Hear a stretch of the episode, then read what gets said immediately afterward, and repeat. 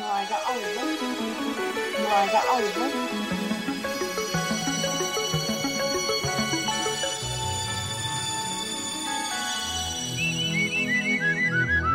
Nå er det alvor.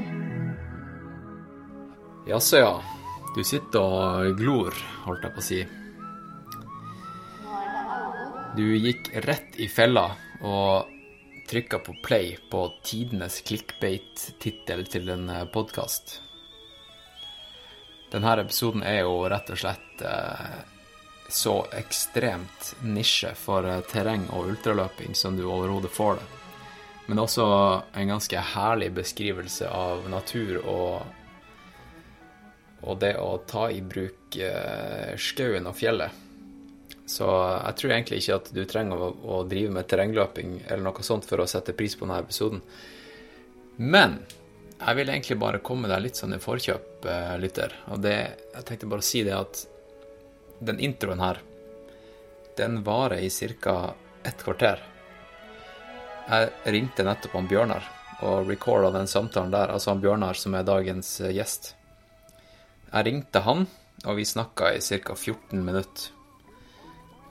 Så hvis du kanskje syns det er litt irriterende med telefonrecording, og heller vil ha ordentlig mikrofon og flyelsmyk stemmerecording på øret, så kan du hoppe til minutt 15, sånn cirka.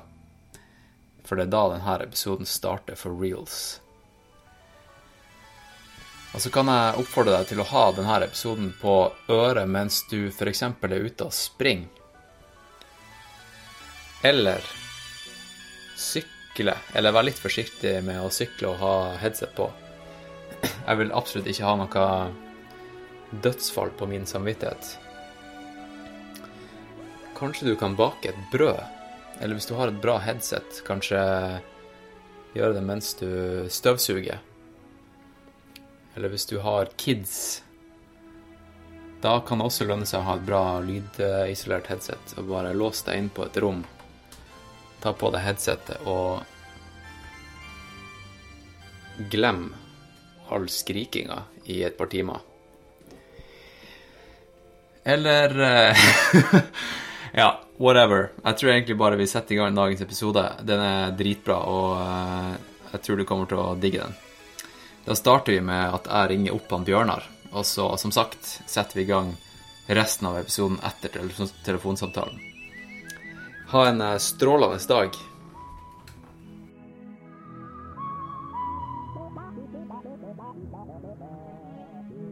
Nå er det alvor. Nå er det alvor. Nå er det alvor.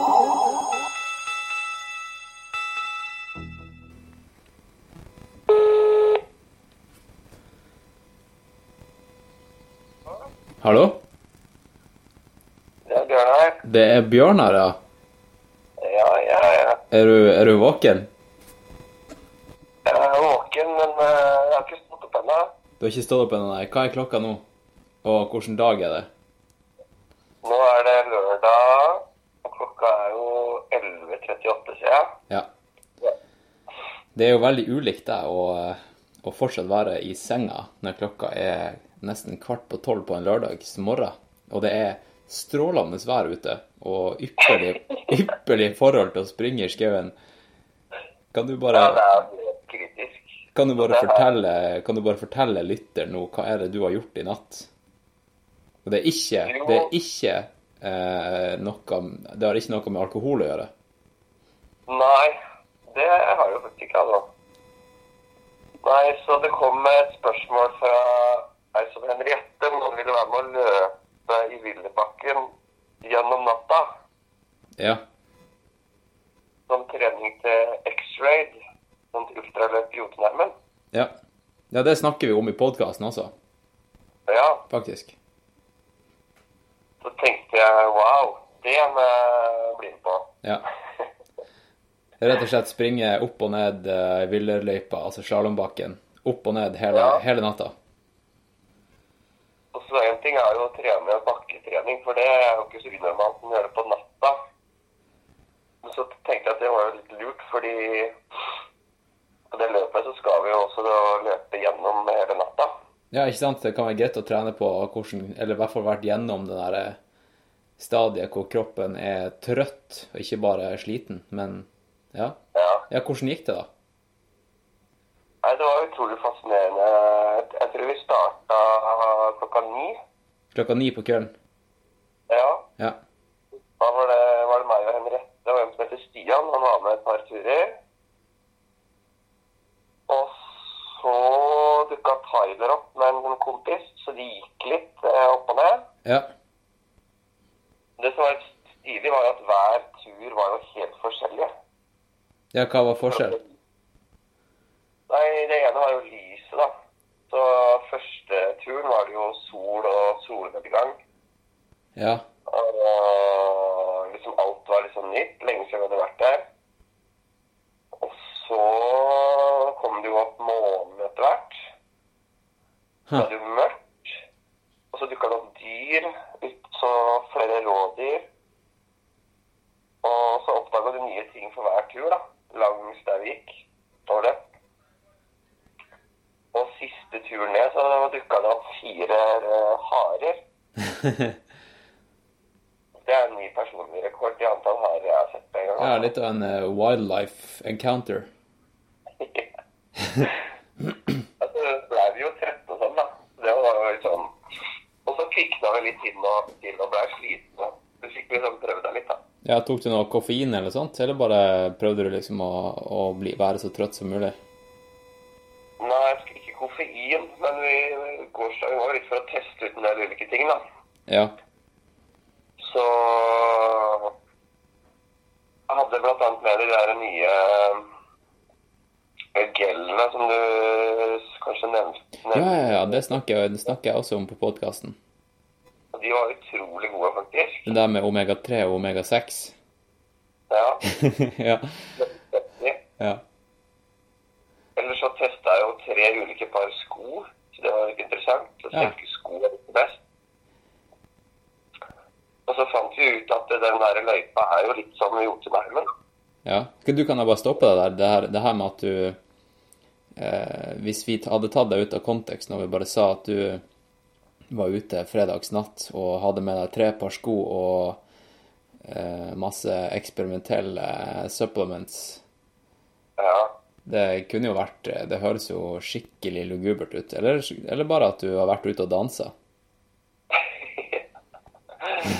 Nei, det høres jo litt rart ut, sikkert. Ja. Men, eh, Nei. men det var en god trenings, bra treningsøkt, da. da. Ja, hvor mange runder opp og ned? Jeg, vet, jeg, vet hva, jeg avbrøt deg. Fortsett der, eh, der jeg avbrøt deg. Eh, jo, vi fant ut at uh, villeløypa er eh, litt- en Jotunheimen i miniatyr. Ja. For det er ganske mye grove steiner der mange steder. Ja. Og så kom det noen snøflekker. Og så fant vi litt gress. Eh, og alt det her fikk vi på innafor 100 meter. Så det var sånn mikro...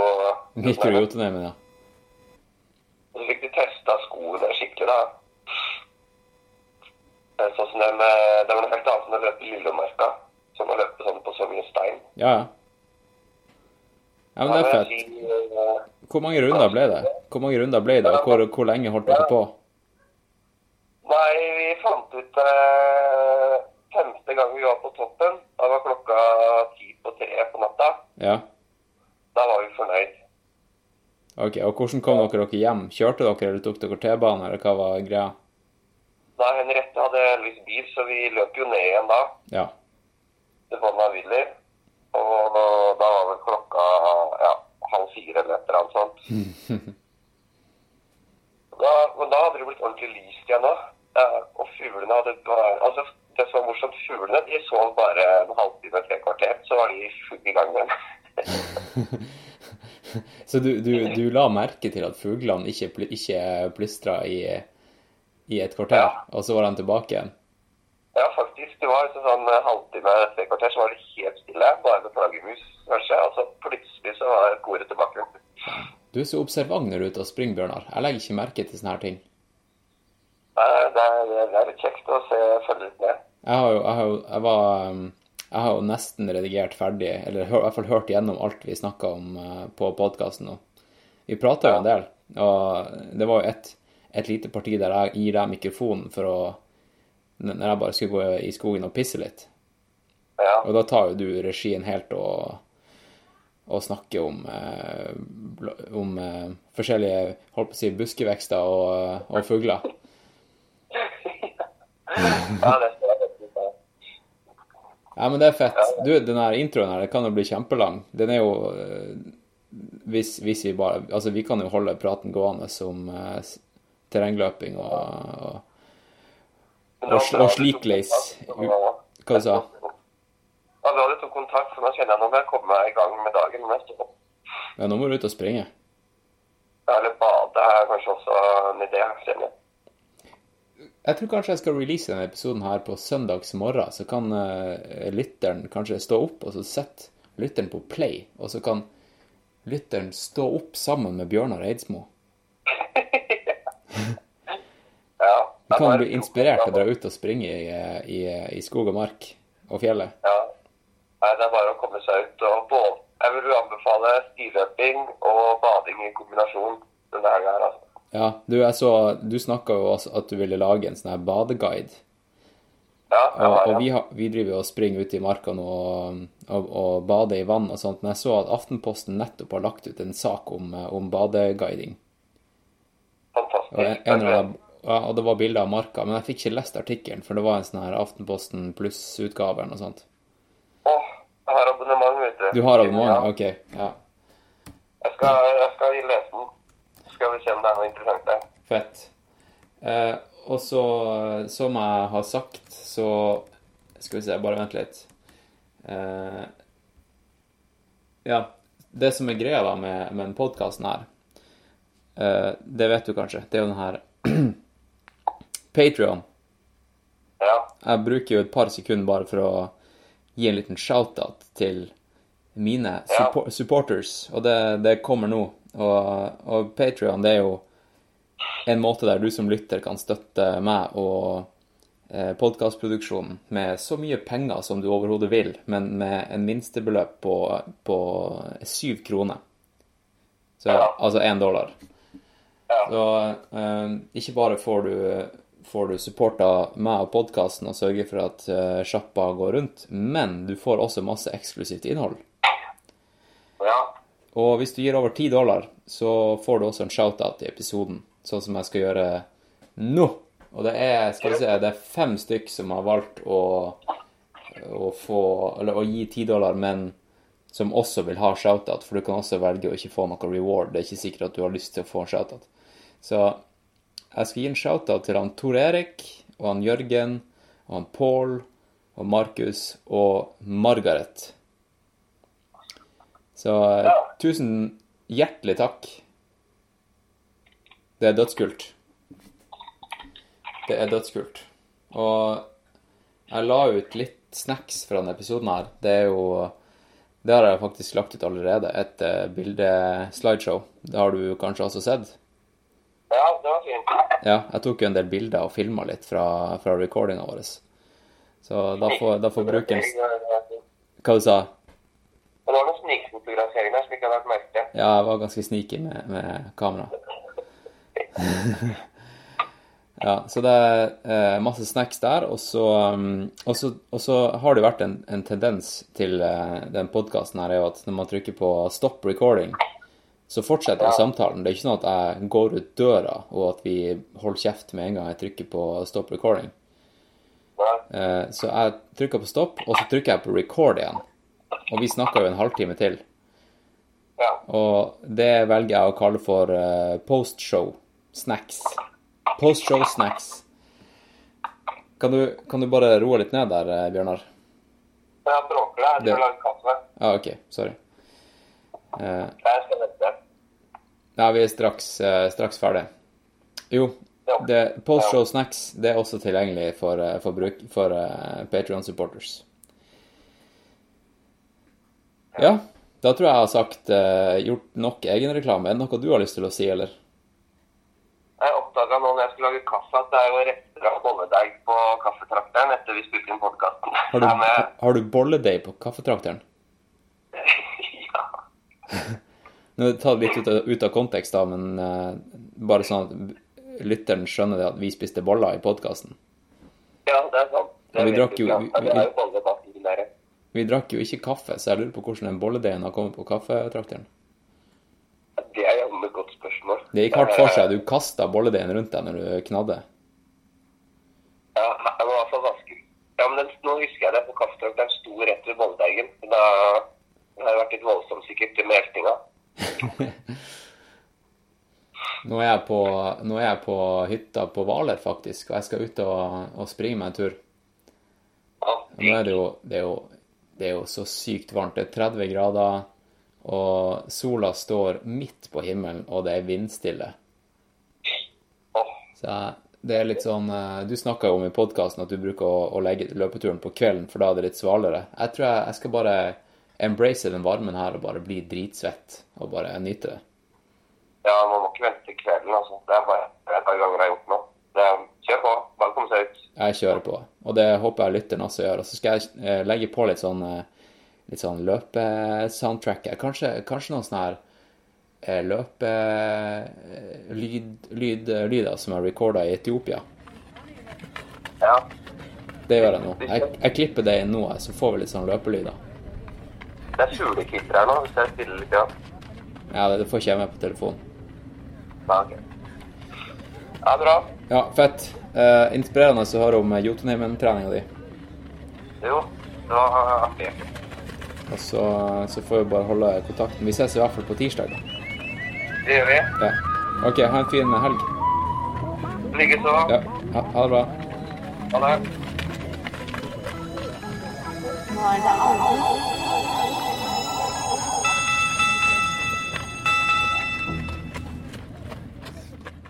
All right, folkens. Nå står jeg utenfor eh, huset til han eh, godeste Bjørnar Eidsmo. Ca. en kilometer unna der jeg bor, og jeg har løpt opp til han nå. Og han bor rett og slett vegg i vegg med Lillomarka. Rett oppunder eh, Grefsenkollen. På selveste Lofthus. Og nå tenker jeg å gå og banke på døra hans, og så setter vi bare i gang dagens episode umiddelbart.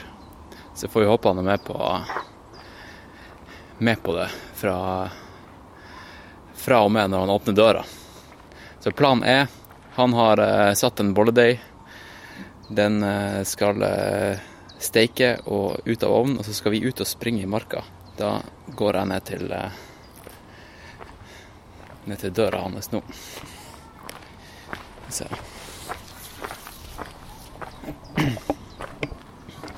Jeg har aldri vært det som Bjørnar før, så jeg vet egentlig ikke helt hva jeg kan, kan forvente her nå.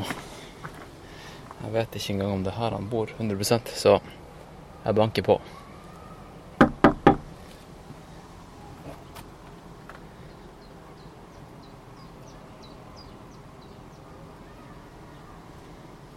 Vi venter i spenning. i spenning.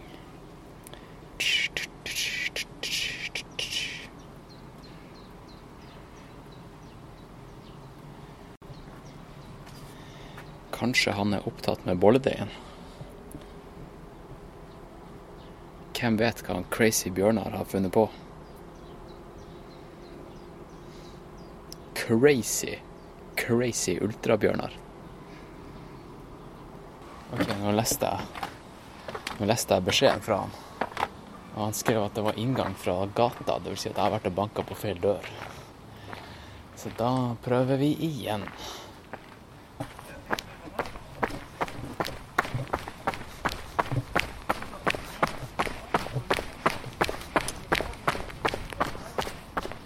Der tror jeg vi har han. Der har vi han. Velkommen inn, står det på dørmatta. Jeg tror jeg banker på først.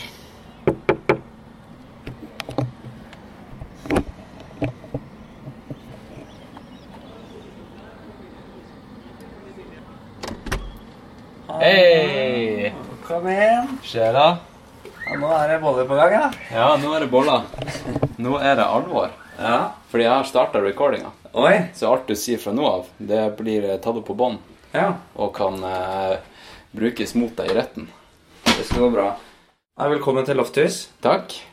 Så her bor jeg. Eh, Jeg sa nettopp til lytteren at eh, du bor jo rett med marka. ja. Det her er jo ideelt. Så hvis vi går gjennom leiligheten nå, så kom, kan vi gå rett ut i skogen? Ja. Vi gjør det, vi gjør det etterpå. Ja. Jeg skal bare ta av meg skoene, altså. og så så Spennende starter sko, vi. da. Er det Ivo Jaws, eller? Det er Ivor Jaws fra, fra Hoka. Kult. Og jeg er jo Den episoden her er jo ikke sponsa av Hoka, Nei. men jeg kan si det at i dag så signerte jeg kontrakt med Hoka. Kult. Så det er en merkedag. Gratulerer. Så takk, eh, Hoka. Shout-out Ja. shout-out til Hoka. Nå blir det jo Hoka-løping fremover. Jeg har faktisk eh, fått meg de her sjøl.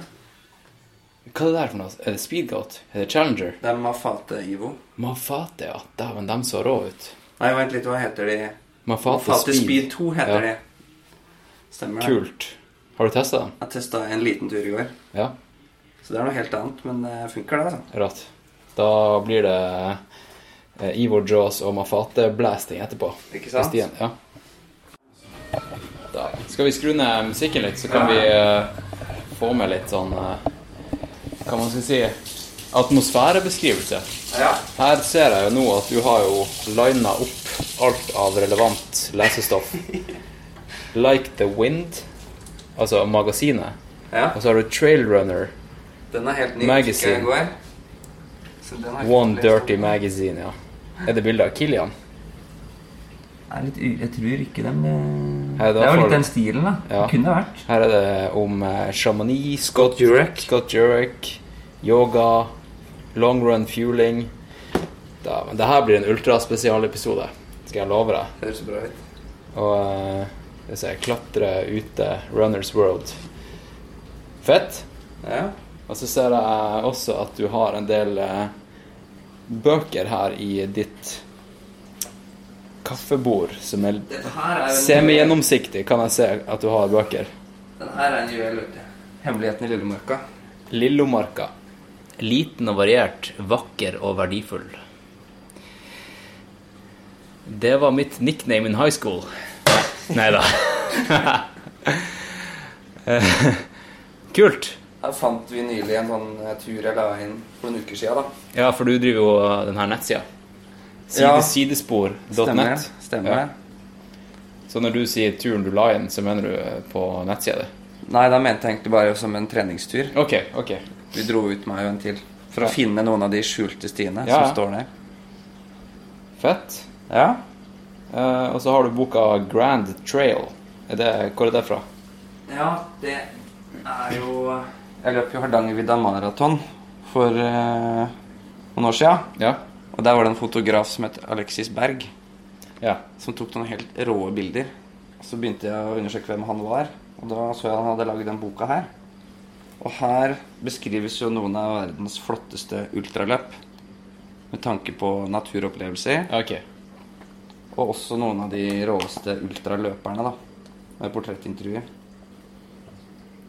Så det er morsom inspirasjon å kikke i. Det er kult. Kanskje jeg en dag kan løpe noen av de løpene her. Ja. Hva er nummer én på bucketlist? Av de her? Ja, eller sånn generelt, kanskje. På Ja, agendaen din. akkurat nå så er det jo veldig spennende med X-Ray Jotunheimen. For det er det, det, er det eneste du går og tenker på nå. Det er jo om en måned cirka. Ja. Ikke det? Det stemmer. Ja. Dæven. Er du klar? Eh, jeg tror jeg trenger litt eh, mer forberedelser. Ja. Jeg gjør det. Ja. På en del ting. Det kan vi snakke om på stien. Det tenker kan jeg. vi gjøre. Ja. Det er jo sånn perfekt stimateriale. Ja. Og nå ser jeg at du har Nå driver klokka mi her og piper. Eh, at du har en eh, deig på gang. ja. Du har bakt. Og her kan jeg trenge litt råd fra deg, fordi i dag har jeg brukt ferskjær. Ja. Og det er lenge siden jeg har brukt, og da glemte jeg at det er viktig at det løses opp ordentlig. Ja, det er jo kritisk. Det Det- skal, det skal jo distribueres i hele deigen. Ja, Så jeg løste det opp med fingrene. Ja.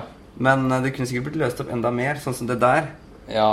Ikke sant? ja, det er ikke noe, det er ikke noe issue. Men det, det mest optimale er jo å løse det opp i lunka vann. Så det Nettopp. blir liksom en del av eh, den våte miksen som du blander inn i den tørre miksen. Sant? Ja, ikke sant? Så her tror jeg det er rom for en liten eh, forbedring. Ja. Men jeg tror det kan gå bra. Den er ikke klissete. Nei. Spretten. Fett. Du får se. Det skal vi se.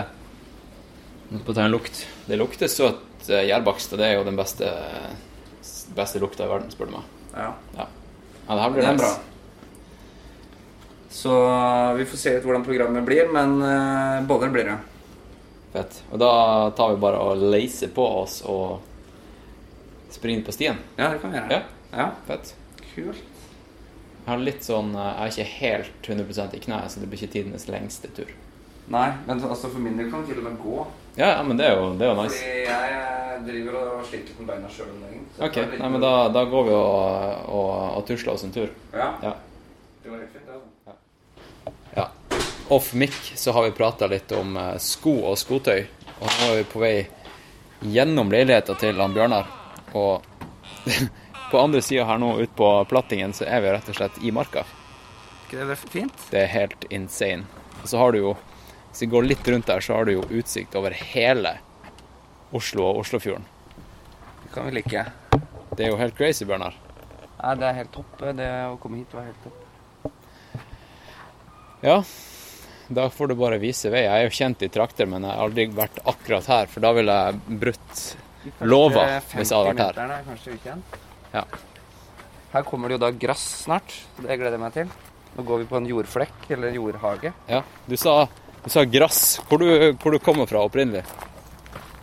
I Telemark er det en bygd som heter Sauland. Ja. 600 innbyggere. Det ligger mellom Notodden og Seljord og Tuddal. Ja. Så kanskje noen har hørt om Lifjell, en fjellkjede. Gaustatoppen er i nærheten. ja den har vel alle hørt om. Ja. Der er det fine elver og skog og fjell. Nå er vi på en såkalt single track, så det er vanskelig å, eh, å holde en prat gående med mikrofon, for da må vi gå etter hverandre. Ja. Det her husker jeg, jeg husker, Hvis det er noen av lytterne som har hørt på den her eh, episoden vi hadde med eh, han Didrik Hermansen på Gran Canaria. ja.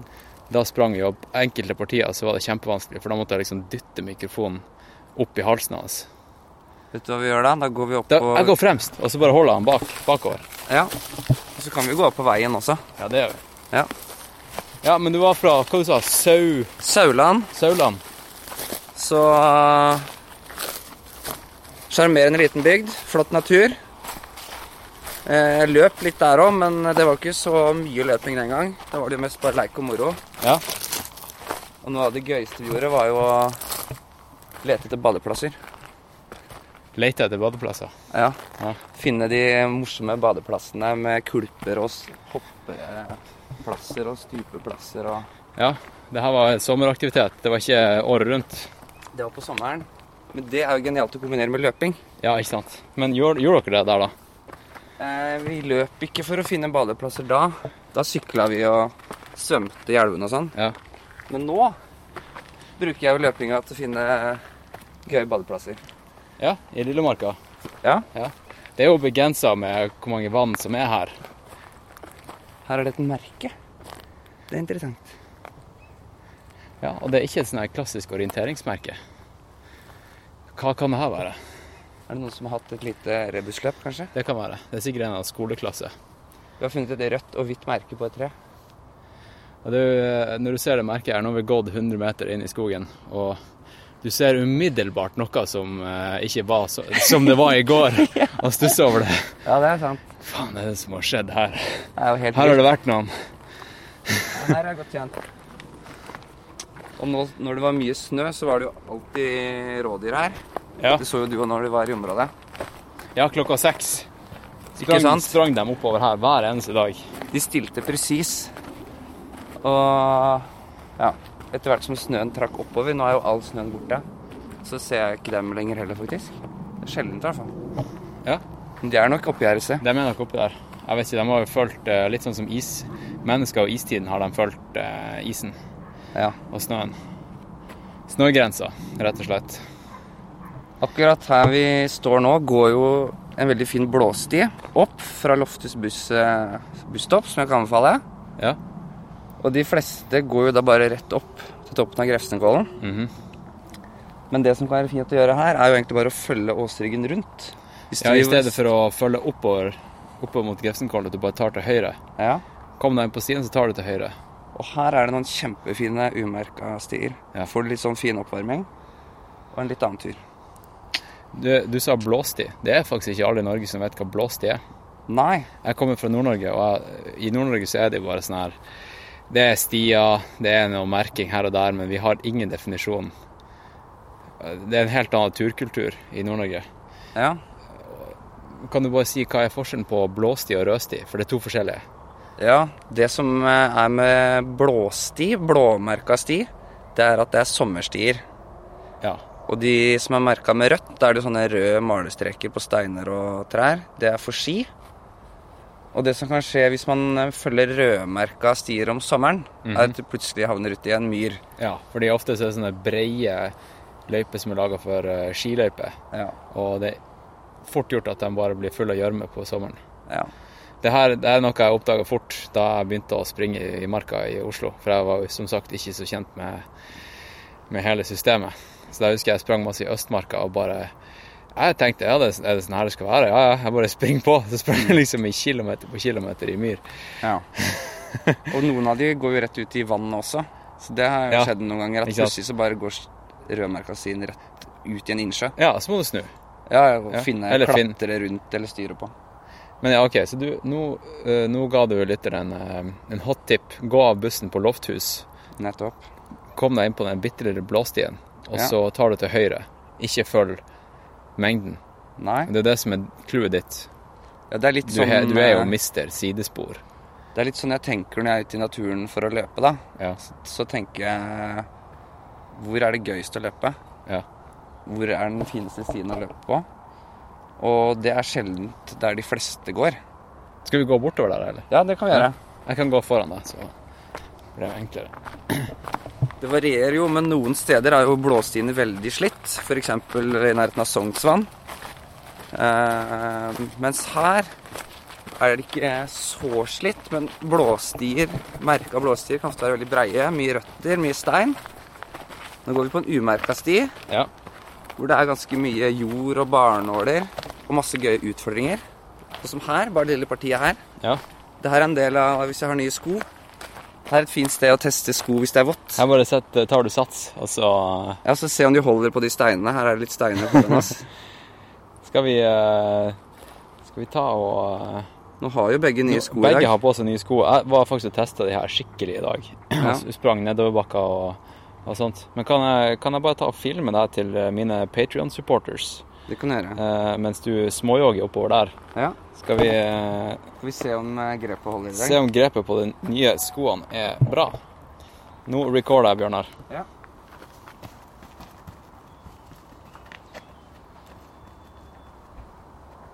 Dæven, han flyr jo oppover der, gutten. Ser bra ut! Nå er det bare å ta han igjen. Det tok ikke han mange sekunder for han. Han var 50 meter opp i lia.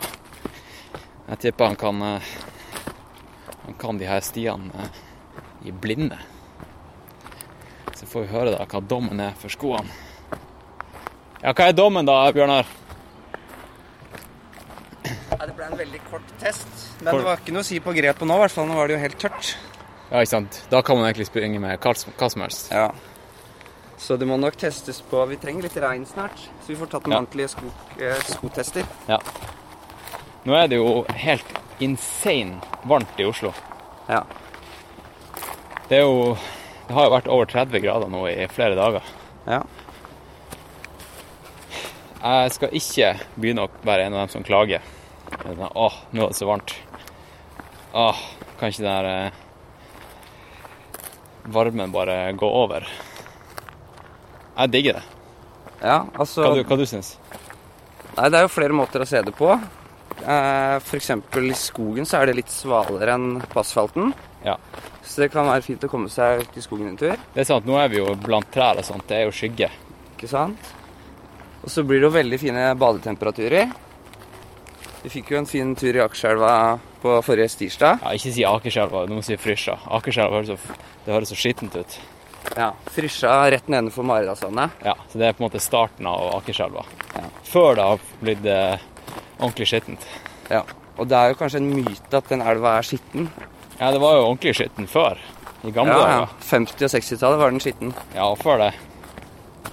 Så nå Nei, så det er jo én ting med varmen. Eh, og sånn som nå de siste dagene har jeg gått ut litt seint for å løpe. Med, eh, med eh, Intensjonelt? Eller Nei, så når det er litt eh, Fordi det er litt svalere. svalere, ja. Så det Nei, men så blir jo Oslo også en mer levende by, da. Merker jeg. Folk er ute Det er- og det er koser sant, Eh, det. seg. Og det er nesten som å være i Sør-Europa. Ja, sitte ute på gata og spise og drikke vin og, og øl på Det er langt på kveld. Midt, Prater og midt i, i uka, sant. smiler og Jeg var, ute, jeg var faktisk ute på og løp i morges, eller i sånn 11-12-tida. Ja. Og da, oppe på Grefsenkollen, så bare kom jeg i snakk med ei dame, rett og slett bare, bare fordi at det var fint vær. Sier du det? Ja, ja. Altså, ei, ei, bare helt vanlig. Hva var første setningen som ble sagt? Det var rett og slett Nå var det jaggu fint her, gitt. Sånn er det. Nei, vi sto og skulle Jeg sto og drakk fra den der krana på Ja, Ah, ja, toppen ja. der. Drikk- Tenk på det. Er det. Møttes dere der? Ja, altså Nå høres det ut som at jeg var på sjekkeren. Det her var, Nei, nei. det her var ei dame i sånn 50-årene. Men det er jo sånn folk, dyrene møtes i ørken, ikke sant? Oasen. Ja, sant? Det er morsomt. Men er det sånn byen møtes når det er tørt i byen? Hun skulle fylle på, eh, på flasken hun hadde i Hun hadde med seg sånne strappa på seg sånn heftig flaskebelte, vet du. Ja, ja. Mange Så det er flere som vet om den drikkekilden, altså. Ja, jeg tror egentlig hun var, hun var på leteren etter en- en drikkekilde, og så så hun at jeg sto der og patta på den her krana. Så Nå er det jo så tørt i skogen at noen av drikkekildene vi pleier å bruke, er jo tørka ut. ja. Noen av bekkene. Du, apropos eh, drikkekilde Oi, der går det en halvnaken mann inne i skogen. Ja, nå kommer vi opp til en grusvei, så her kan det være litt mer folk. Jo, du, det jeg skulle si, det var at eh, en eldgammel metode nede i Afrika for å finne drikkevann, Ja. det er å Kanskje du har hørt det her? Fordi aper, dem vet hvor det er. Her kommer det en eh, løper. Sol og løping. Det er bra. Dæven, for et skue. Ei som kommer mot oss eh, og springer i motsol. Du bare ser silhuetten. Og det er Det er rett utenfor- rett utafor stuedøra. Og nå sier jeg jeg syns noe av det mest fascinerende jeg kan se, er folk som springer. Enig. Jeg er altså Sånn bare har det sånn blitt. eh, på, på tredemølle på Sats og Ja. ser fra liksom profil Ja. fra sida når folk springer. Det er Jeg blir litt glad jeg når jeg ser folk løper. Ja, jeg blir også det. jo, ape vet hvor, hvor drikkekilda er. Oi! Så hvis du finner ei ape i Ja. Afrika, Ja. og du er kjempetørst Ja. Det du må gjøre da, det er å gi apa en stor klump med salt. Fordi aper elsker også salt. Og de elsker salt så mye at de klarer ikke å beherske seg sjøl. De må spise til det er tomt. Sier du Og det? når det er tomt, da vet du hva de Pass gjør. opp! Oi, der Hestebæsj i- midt i stien. holdt jeg på å skitne til de nye skoene mine. Jo, da springer de til denne vannkilden som de ellers ville holdt ekstremt skjult. Ah. Og da gjelder det rett og slett bare å beine etter det her eh, apa. Kanskje det kan funke på lokalkjente løpere òg? Ja, jeg tenker det. Kanskje du kan. Hvis jeg får en svær saltklump nå, så kan jeg finne meg en drikkekilde.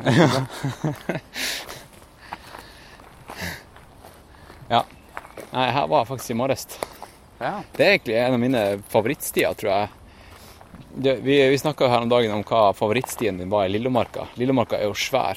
ja. Men så kom jeg til å tenke på i dag at hvis jeg hadde fått det spørsmålet og måtte svare på stående fot, så ville det faktisk vært en av de der stiene som, start, som jeg starter med. Rett og slett bare fordi at man blir glad umiddelbart. Det er liksom den her rutinemessige stien. Altså, jeg blir glad når jeg har passert den hagen som nå er jord, Ja. og så går inn i skogen. Da blir jeg glad. og så kommer det jo stien, og så plutselig er det berg. ikke sant? Litt Ja. klyving med en gang. Ja. Og så er det innover på en Da, fin da er du varm i hele kroppen, da er du klar. Ja, ja. Sant? Da er det kvalitetssti. Ja. Da er det bare å legge jobb bak seg og alt. Du, vi, eh, vi snakka jo om, eh, om det her eh, racet du skal gjøre. Når var det? Om fire uker? Tre uker? Ja, X-Raid Jotunheimen Ja. er eh, 29. juni. Ja. Samme dag som Western States. Ja, det er det, ja. Da går du glipp av Western States-festen som vi skal ha. Det gjør jeg nok, det. Men Sverre, det, da. det kan vi jo gjøre om til en eh, X-Raid-fest. Ja, det ja, man må bare kombinere det, da. Ja. Er, den, er det på lørdagen? Jeg er usikker. Det, det går jo i 24 timer. Så det, Ja, det starter fredag. Men jo, du skal springe X-Raid Jotunheimen, og noe av det som skjedde her om dagen, var jo det at det var ei, ei, eh, ei dame som sendte oss en melding og spurte om det var noen vi visste om som kunne være som var gira på å være med på en session i slalåmløypa borte på, i Villerløypa Ja. fredags natt Ja. for hun skulle trene til Jotunheimen X-Raid. Ja. Og løpe opp og ned, opp og ned, opp og ned en million ganger gjennom natta. Og jeg tror hun ble ganske overraska da hun fikk eh, med seg hva det var, fire stykk. ja det har vært i hvert fall to til som blir med. Kanskje tre. Ja. Jeg syns det var litt morsomt. Et sånt spørsmål har jeg aldri fått før. Nei. Så du skal, du skal Det skal være din fredagsaktivitet. Ja. Nei, for det er jo noe med å få trening på å holde på lenge i bratte bakker opp og ned. Ja. Og også de overgangene mellom å gå fort opp og løpe fort ned, og så Sånn er en del fjelløp, da. Men hvorfor på natta? Skal, det her- skal X-Raid gå gjennom natta? Ja. Det skal, skal det det? Ja. Når er det det starter? På dagen? Det starter klokka tolv på dagen, hvis jeg husker riktig. Ok, og så er det, Hvor langt er det? Så er det 105 km. Og så er det vel i underkant av 6000 st- stigningsmeter, og sikkert rundt det samme ned. Ja. Men det er jo vanlig på de løpene her å bruke en 20-24 timer, da. Ja, for det er også umerka. Det er Du umerka. må, hva, er, hva er greia? Du må navigere med GPS, eller hva er, hva er Det er jo Kart og kompass. lagd eh, eh, Det er jo flere måter å gjøre det på, men det er jo en rute vi skal følge. En GPS-rute. Ja. Så du kan jo ha den GPS-ruta på klokka, eller på mobilen, eller på en GPS-enhet. Og du kan også bruke kompass. Eh, og noe av løypa følger merka sti, noe er utenfor sti. Men det som trakk meg til det løpet, noe av det jeg er ute etter, det er jo å finne de løpene som tar deg ut i den flotteste naturen. Ja. Og samtidig som er en stor, ordentlig stor utfordring. Da. Mm. Så det blir jo en Ja, så lenge har jeg aldri vært ute på i en På stien. løpekonkurranse. På stien. Mitt, grunnen til at jeg ikke meldte meg på X-Ray, da, det kan Ja. vi snakke litt om, Ja. det er jo det at eh, Det handler ikke bare om, om eh, hvem som er best trent og, og eh, som stiller til start. Altså hvem som kommer først til mål. Det gjør jo på en måte det, da, men det er også mange andre Mm. tilfeldigheter som kan gjøre at som, som ikke handler om løping. ja, og og det er kanskje ikke tilfeldig, men det handler jo mye om forberedelser, det òg. Ja, ikke sant? Så det, det ene er jo hvordan du disponerer, disponerer et løp, som er Ja. noe av det mest utfordrende med lange løp. Egentlig alle løp. Ja. Og ikke slite seg ut. Det blir jo satt på spissen i ekstra lange løp, da. Ja. Så det her, jeg kjenner jo til at det her X-Raid er en konkurranse som mange bryter, da. Men da er jo Ja. noe av Noe jeg har erfart i løpet av tiden jeg har holdt på med det her, er jo å starte rolig på så lange løp. Og så kjenne litt på formen, og så heller eh, Det er sånn jeg gjør det, da. Ja. Og heller øke på etter hvert. Ja, for hva var siste race du, du sprang? Det siste Det var KRS Ultra. KRS Ultra, ja. Eller jeg løp jo råskinnet, men det er jo sånn kort, kortløp. Så Ja. den, eh, det blir noe helt annet. KRS Ultra, kan du bare si eh, Du gjorde jo en helt sjuk innsats der. I hvert fall hvis man ser på hvor, hvor du var i fjor på det her stadiet. Ja. Det hadde jeg også tenkt å snakke med deg litt om eh, din eh, Hvordan du har utvikla deg som løper. ja. de siste årene, for du har holdt på ei ei stund, men det er ikke lenge at du har drevet på med ultraløp. Nei. Og perspektivet ditt på ultraløping har også endra seg helt, tror jeg, det siste året. Ja. Så kan du ikke si hva, hva, du, hva du gjorde på KRS i fjor, og hva du gjorde i år. Vi kan jo begynne med det. Ehm, I fjor, da hadde jeg konkurrert i et, ett ultraløp tidligere. Ja. Det var jo Blefjells beste. Og så ble jeg trukket ut til å vinne en deltakelse i KRS Ultra. Og da ble jeg veldig overraska når jeg fikk høre hvor tidlig på året det var. Ja. For jeg går jo også, liker å gå på topptur og sånn i fjellet på den tida. For det var jo i april. Ja, på, på ski eller splitboard, som du ja. Blitt var det. Så jeg tenkte jo hvordan skal jeg klare å komme i løpeform til det. Ja. Så jeg gjorde et forsøk på det. Og så fikk jeg Var det en Ja, det var faktisk en eh, kollega som hosta meg i trynet dagen før påskeferien. og så dro jeg til Jotunheimen, og så fikk jeg influensa. Og så tror jeg jeg hadde to uker uten løping før KRS Ultra. Så det var det ene. Så nå to mil ut i det løpet, så var det to stykker som tok meg igjen. Det er jeg ikke noe glad i. Så da økte jeg tempoet, og så hang de på. Ja. Og det er jeg heller ikke så glad i når noen henger på meg nedover. Nei, det er irriterende. ass. Så da tenkte jeg nå skal jeg dra fra de. Så jeg økte tempoet enda mer. Og de slapp, men så snubla jeg. og da fløy jeg gjennom lufta, faktisk. Men jeg klarte å rulle rundt og lande på beina. Men etter det så s- begynte jeg å bli stiv. Og da stivna jeg skikkelig. Så etter 25 km så begynte jeg å gå. Og da var det 35 km igjen. Ja. Så jeg tenkte egentlig å bryte på neste stasjon, matstasjon. Så det sa jeg jo at eh, nå er jeg så stiv at eh, jeg bryter her, jeg. Og så var det en som sa der Du vil vel ikke ha sånn DNF? Så spurte jeg hva er det? Nei, det betyr did not finish. Så bare Nei, det hørtes jo ikke noe gøy ut. så da tenkte jeg å få prøve en stasjon til. Så endte det jo med at jeg småjogga og gikk resten av løpet, da. Og kom meg i Du mål. fullførte, sant? Jeg fullførte. Det ble ikke noe DNF på deg. Og det her var jo også første gang jeg møtte deg og Johannes, som også er med i Skyblazers. Ja, som vi ikke har nevnt hittil i den podkasten her. Nei, Som ikke alle sikkert vet hva er. nei, Og det er jo vårt løpecrew, ikke sant? som du er en del av. Så jeg ble litt overrasket når jeg kom i mål og så dere med, hadde skifta klær og så veldig avslappa og rolig ut. Så viste det seg at dere hadde vært i mål i fire-fem timer. Ja, vi har vært og, og spist og dusja og Ja. Ja. Nei, Så jeg hadde noe ugjort der, da. Så i år så ble det et nytt forsøk. ja. Og i år, i år med et helt annet perspektiv Ja. og vinkling på ultraløp og langløp generelt, tror jeg. ja. Ja, Så hva var intensjonen din da du sto på startstreken? Hva du tenkte da? Jeg hadde flere mål. Det første var å kunne fullføre løpene. Det var liksom det grunnleggende. Ja. Ikke måtte gå. Men så var det å klare å disponere løpet ordentlig bra og kanskje komme på topp 20. Så hadde jeg en, drø en drøm om topp 10. Og litt ut i løpet så var jeg nummer 12, fant jeg ut. Og så klarte jeg å riste av meg én, så jeg var nummer 11. For jeg har lært av dere det her med å prøve å holde i tellinga Ja, hvor mange jeg har foran. OK. Så det passer jeg på å få med i starten. Jeg tror noen av dere har nevnt det, i hvert fall. At det kan være litt greit å vite. Ja, i hvert fall spørre om eh, hvor du ligger an hen i løypa når du kommer på stasjoner og sånt. Ja. Ja.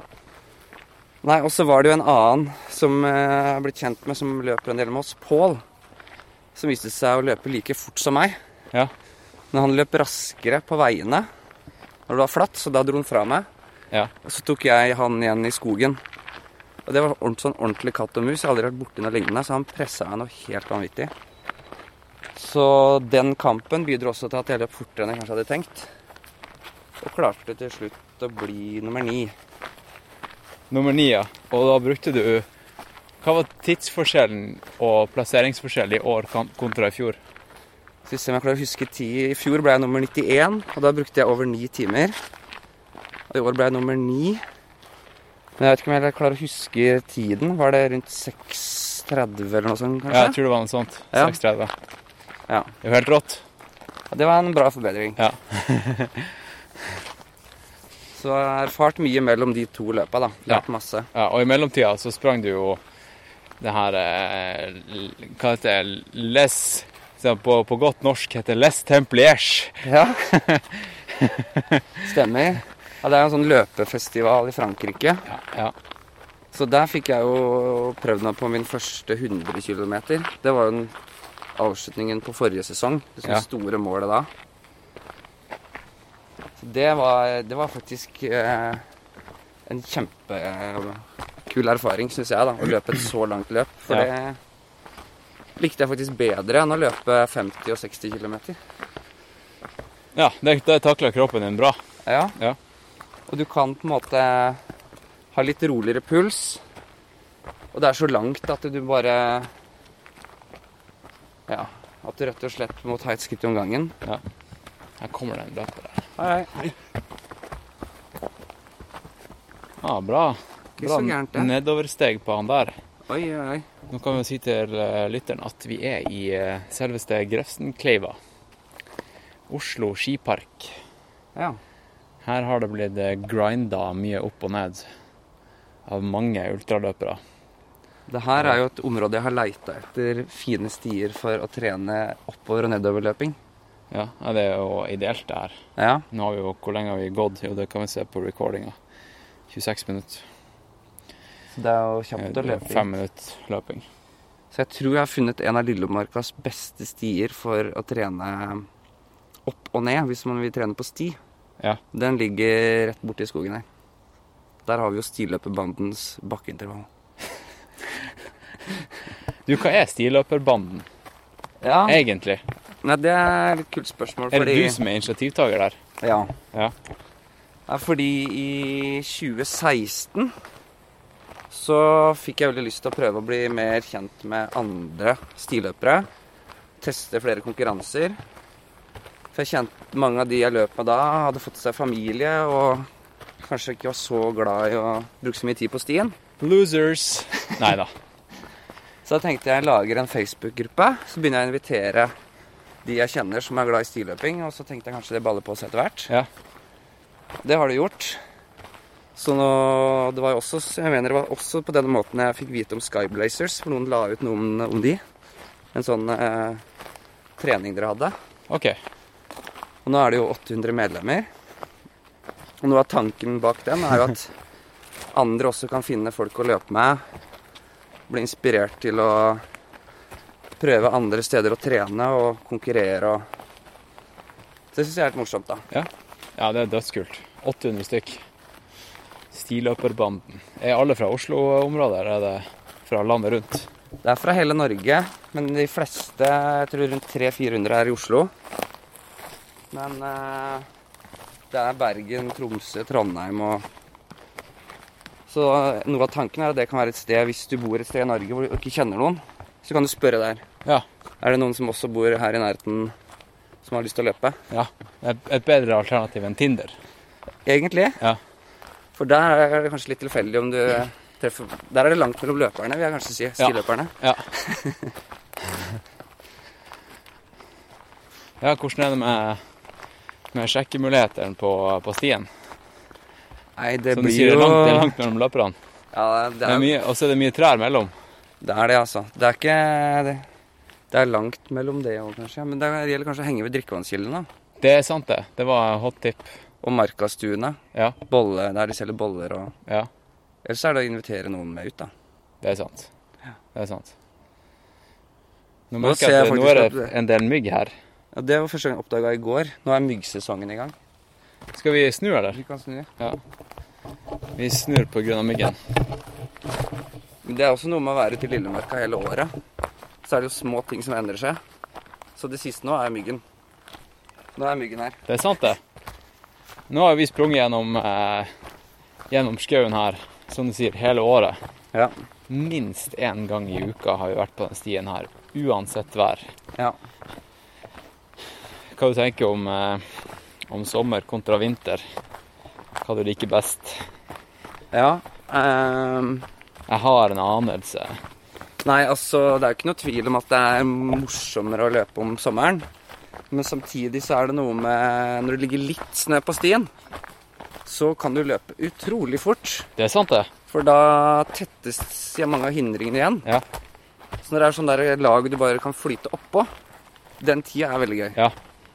Og det var det mer av forrige vinter enn i år, for i år kom det jo veldig mye snø. Ja, i i år var det bare generelt masse tung snø.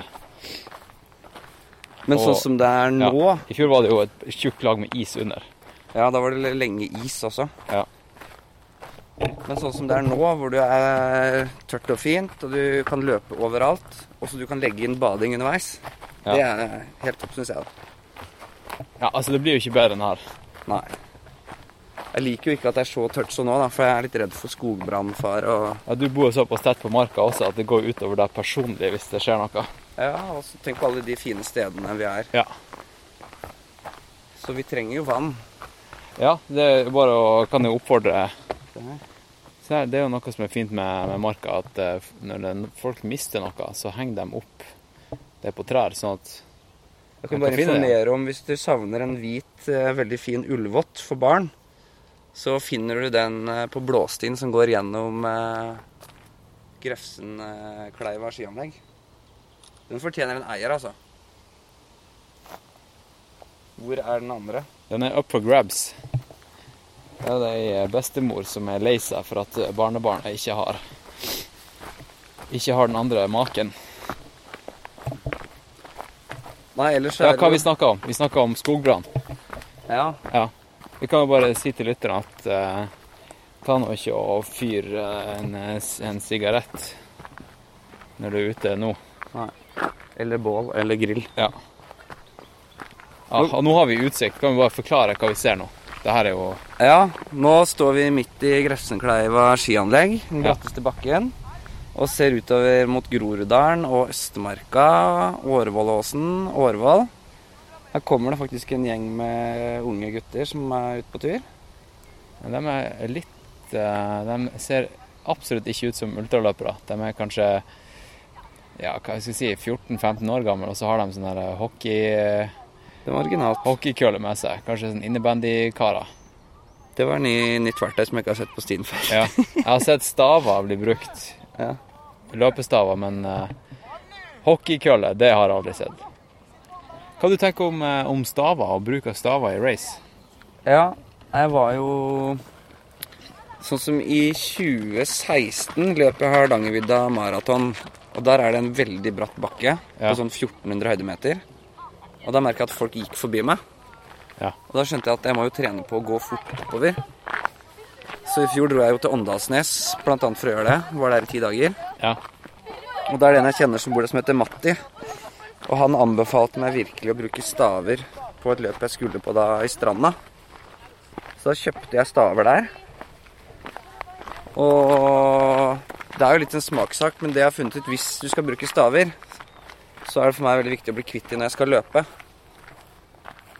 Jeg liker ikke å ha staver i hendene når jeg løper, så det er kun når jeg Nei, går sant. oppover. Ja. Så da må du ha et sted å kvitte deg med de. Nå kan du stille deg der, skal jeg ta bilde av deg, Bjørnar. Ja. Du kan se her. Så kan jeg ha Du kan kanskje holde mikrofonen også.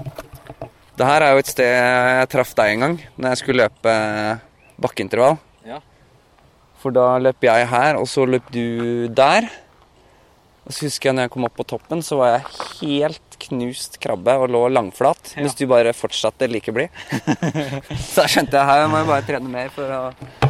her er det noen som er på et annet nivå. Det tror jeg var rett før jeg skulle springe Mada- eh, ultramaraton eh, Nei, Ultra Sky Maraton Madeira. Ja. Og det er jo nå i helga. Det er akkurat et år siden. ja. Jeg ser jo det er mange som har dratt dit nå. Ja. Malene er jo der fra Norge, så jeg. Ja. Og han eh, Anger Munvik, er ikke han der òg? Jeg er ikke sikker på om han er der. Kanskje John, ikke det er John der han Alban, er. da. Han Ja. er der. Men han er jo Han er ikke nordmann, men han bor jo i Norge. Ja. Han var jo med på forrige episode. Å ja! Den Hørte har du ikke jeg det? fått hørt. Nei? VM spesial. Åh, det gleder jeg meg til. Ja. Det var- ble litt amputert, for vi måtte stikke i en sånn her avslutningsseremoni. Ja. Så han fikk ikke eh, sagt alt han ville si. Men eh, neste Nei. gang jeg møter han, så tar vi en, eh, en lengre prat, regner jeg med. Han er flink. Han Han er, er flink, ja. ja, han har flink til det. imponert meg. Vel, eh, han har vært med på noen av de løpene jeg har vært med på, og vunnet bra. Sånn Ja. som Stranda. i fjor. Ja, nei, altså, han er jo, vil jeg si eh, Han er en av dem som Vet du han Kilian? Når Ja. han stiller til start Ja. du, Det er bare å bare glemme at du skal prøve å ta han. Han er Ja. bare et annet Han er en alien. ja. Sånn er det med han Alban også. Han er jo ikke like bra fjelløper som han Kilian, men han er rett der oppe, altså. Han kom jo fire minutter bak han på Glenn Coast Skyline i fjor. Ja. På andreplass. Og han kommer på fjerde i VM i år. Ja. Så Og i tillegg så er han jo verdens beste eh, hinderløper. Er den det òg? Ja. Ja, sånn, Det er jo- hin- det er- ja, sånn hinder, sånn hinder, ja. Ja. Jeg tenkte på hekk, men hinder, ja. Stemmer. Obstacle. Men apropos Kilian, så eh, jeg kan jo dele litt om hvordan jeg endte opp med å begynne å løpe ultra. Ja. For det visste jeg ikke at var noe engang, for noen år siden. Ja.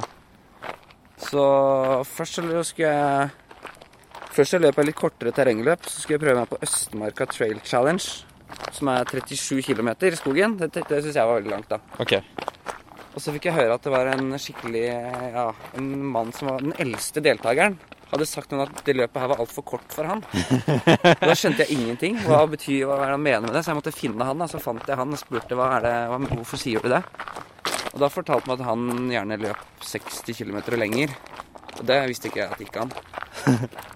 Og så leste jeg den der boka 'Born to Run', og så skjønte jeg at det her er noe jeg har lyst til å mestre. Og så en dag så var Romeriksåsen på langs. Ja, for jeg så Eh. medalje fra Romeriksklassen på langs eh, i vinduskarmen din i stad. Ja, den er fra i år, men for to år siden så hadde jeg veldig lyst til å prøve den da, for første gang. Og så turte jeg ikke, fordi jeg hadde litt sånn vondt i beina. Ja. Så isteden var jeg på en eh, vennefest på byen, og seint ute spiste kebab og våkna neste dag til øsende regn. og så leser jeg da boka til Kilian. Den derre 'Løpe eller dø', er det den heter? Ja. Run or die. Og så skriver han i en setning. Så skrives, på norsk så blir det noe sånt som eh, Du blir ikke sprek av å sitte inne i regnvær. Å ja. Dæven, den traff. Og da var det bare noen sånne tannhjul inni hjernen min som bare traff hverandre og begynte å surre riktig, riktig vei. Ja. Så tenkte jeg nå skal jeg ut og løpe og prøve å se om jeg klarer å løpe en ultradistanse. ja. Du gjorde ikke det på sparket Jo. den dagen? Ja. Nei. Så da bare dro dro jeg fram kartet. Nå må jeg finne en morsom tur som jeg aldri har løpt før. Ja. Så så jeg Bærumsmarka, ba nord for Brunkollen. Der har jeg ikke vært. Så fant jeg en rute hvor jeg kunne løpe først tre mil og ende opp i Sørkedalen og ta bussen hjem. Ja. Eller så kunne jeg fortsette. Så dro jeg ut aleine, øsregn, ingen andre i skogen. Og løp først tre mil. Beina var fine. Ja. Så fortsatte jeg hjem til Sagene. Og da hadde jeg løpt 54 og klart min første ultradistanse. Dæven. Sånn begynte det. Det er jo en dritkul historie, da. Det er, jo, det er jo en lignende historie som jeg hørte Jeg, jeg tror han er faktisk ganske flink og merittert ultraløper nå. Skal vi gå opp der, kanskje? Ja. Ja. Han, eh, han hadde også en sånn her åpenbaring, men det, jeg tror det skjedde på 30-årsdagen hans eller noe sånt. Ja. Og da var han dritings, og klokka var sikkert sånn tre-fire på natta. ja. Og så sa han bare sånn her, vet du hva? Nå er jeg 30 år. Jeg skal springe 30 miles. Og Oi. så bare sprang han 30 miles i én retning. Ja. Selvfølgelig, det var jo helt idiotisk, og det var jo en tanke han eh, fikk når- mens han var dritings. Men Ja. han gjorde det. Ja. Og han eh, Han er jo nå en kjempeflink løper. Og han var, kom jo fra Var jo helt utrent, ikke sant? Ja, Det hører jo med til historien at jeg trodde kanskje ikke jeg var i stand til det. Fordi året før skal jeg prøve å krysse Hardangervidda med en kompis. Løpe det, det er to dager. 35 km hver dag. Ja. Og da stivna jeg til 30 km. Så dagen etter gikk jeg i ti timer. Kunne ikke løpe. Og det var da jeg lurte på om kanskje ikke sånn ultra var noe jeg kunne fikse, da. Ja, det krever jo litt trening, da. Ja.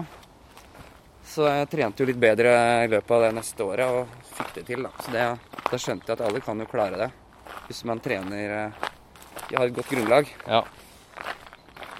Du, det her er den vanlige grusveien som går opp til Grefsenkollen, ikke sant? Stemmer det? Ja. Jeg har aldri kommet fra denne vinkelen. Det er jo, Faktisk aldri tatt den lille avstikkeren her. En ting som er litt kult med Oslo, er jo at det er så mye Det er jo veldig mye folk her som går opp stier overalt. Så det er så mange valg. Ja. Så du kan finne nye steder å gå og løpe hele tiden. Det tar litt tid for dem som ikke er født og oppvokst i holdt på å si, marka, Ja. å bli kjent med, med hele konseptet.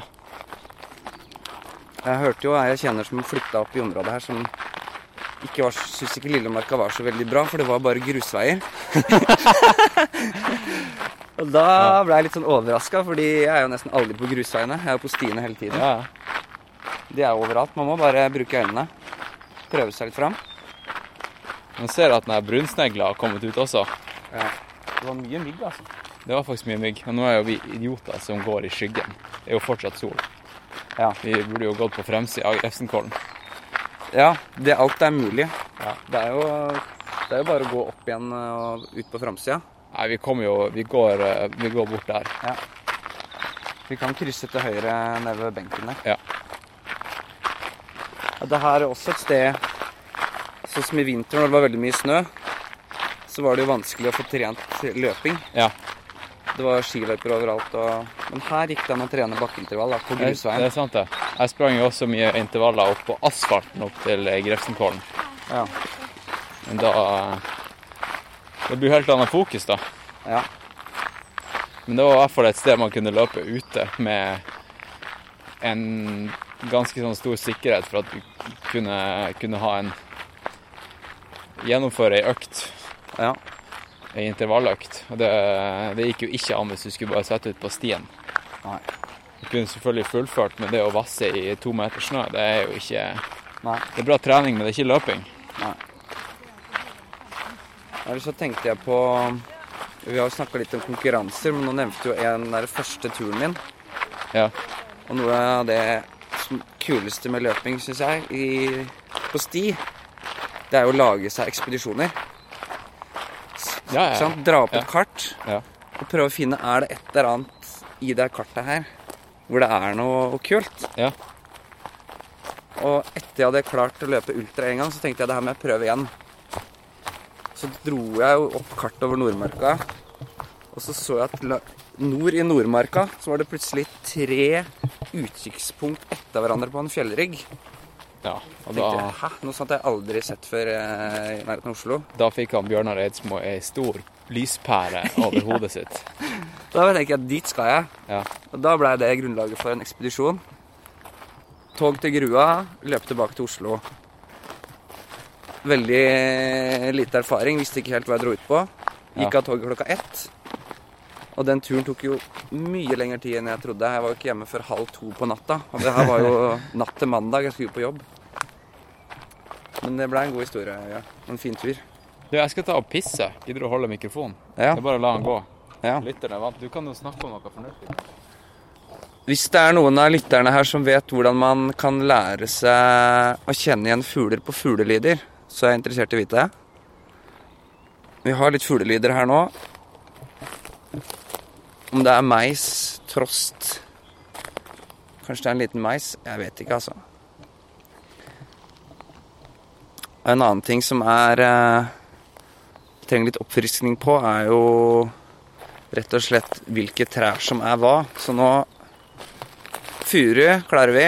Vi har bjørk. Der har vi rogn.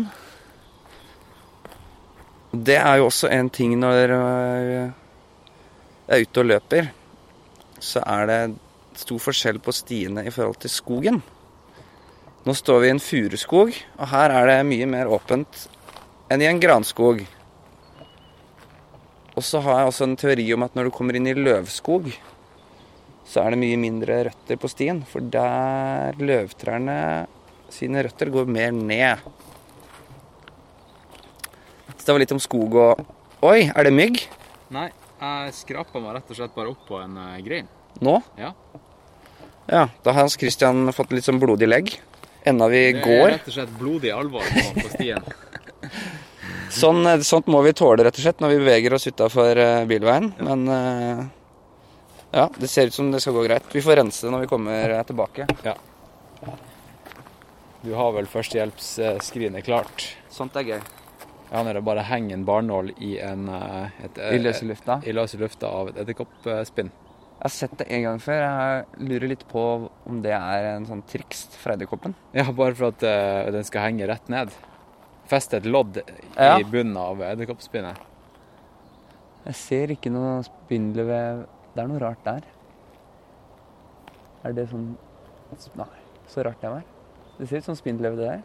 Ja, jeg tror bare Jeg tror det her er art by accident. Ja. Naturen har Det kan være en sånn slenghuske, rett og slett. Som man bruker når man skal ha det gøy. Setter den seg på der og tar fart. Du, du nevnte noe, husker jeg. Jeg husker jeg flirte høyt. Og det var eh, din ernæringsstrategi på dine første ultra. Ja. For du har, eh, du har virkelig vært en av dem som har eh, Du har ikke bare hørt på ekspertene og gjort som de sier. Du har prøvd deg fram. Ja, og så hadde jeg ikke så mange å spørre i starten, for jeg kjente ingen andre som dreiv med det her. Ja. Så sånn som når jeg skulle løpe Nordmarka på langs, så dro jeg med meg et lass med rundstykker. Eh, og så satser jeg på å få mat på markastuer. Og Da kunne jeg kjøre på med laks og karbonader og For da er det jo sånn at du, jeg stopper og setter meg i et vann og spiser. Ja, ja. Mens på Blefjells beste, det, det var jo min første eh, konkurranse i ultra, så var jo greia å spise mens jeg gikk. For der var det ingen matstasjoner. Og da merka jeg at det å spise eh, en svær burger med karbonade med grove rundstykker funka jo ekstremt dårlig i konkurranse. Ja, det er ikke ideelt. Da gikk jo bare alle forbi meg. Så det har tatt litt tid for meg å forstå litt hva som egner seg å ha med seg på race av mat. da. Det må være litt lettfordelig. Ja, det er jo en grunn til at det finnes de her eh, gelsene og de, dem som er litt sånn enkle å håndtere. Skal vi se, er du usikker på hvor vi skal nå? Nei, det er mer hva du har lyst, for nå går jo stien bort til sola der, og så går stien ned på grusveien der. Men det er sol der nede også. Ja. Ja, det er fint Vi der. finner litt ja, sol der nede. ja. Det er mat, da, og det er fortsatt en av de tingene jeg, jeg kanskje kan minst om når det gjelder ultraløping. Det er jo så mye man kan gjøre der. Nøtter og rosiner og dadler og aprikos, og så har du jo Ja, jeg Og ville, jeg sånne- ville unngått nøtter, egentlig.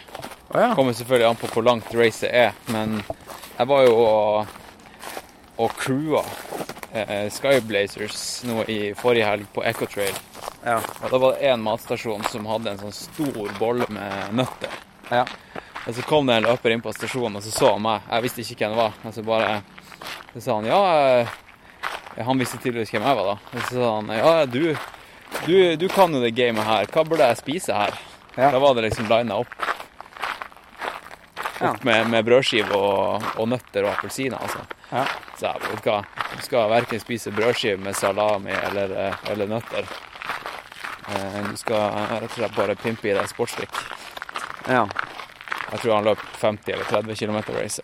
Alt etter intensitet, da. Ja. Jeg tipper eh, Jotunheimen, da kan du tillate deg å, å selvfølgelig spise litt mer eh, Jeg solid tror jo- føde. Jeg tror ikke, ikke magen eller noen Jeg tror ingen kan kun overleve på sukkerdrikk og gels i 24 timer. Og jeg tror det er veldig bra å venne seg til å tåle å spise en del forskjellige ting, da. Ja. For det er ikke alltid man har tilgjengelig eh, ting hvis man blir veldig kresen. Så, sånn som i Frankrike, på matstasjonen der, var det jo helt annen type mat enn jeg var vant til. Ja. For eksempel eh, brød med roquefort. Ja, sant. Men det spiste jeg. og Det funka helt fint. Ja, ja. Nei, altså det, det meste funker. Ja. Men det er viktig å få i seg noe. Du hadde jo, var det du som sa det der med at eh, vi burde lage en sånn webløsning der du filtrerte Altså måten å finne fram til ditt ideelle race var Ja. å ikke filtrere på verken geografi eller distanse, det var å filtrere på hvilken type mat du liker. Nettopp. For du eh, Det er ganske gøy. Ja, hvis du liker ost og bri- Roquefort. Ja, Da er eh, franske løp veldig bra. Da kan jeg anbefale den her eh, Templierfestivalen. Hvis du liker appelsin, f.eks. Ja. Det er KRS Ultra flinke til å tilby. De hadde det i hvert fall i mål i år.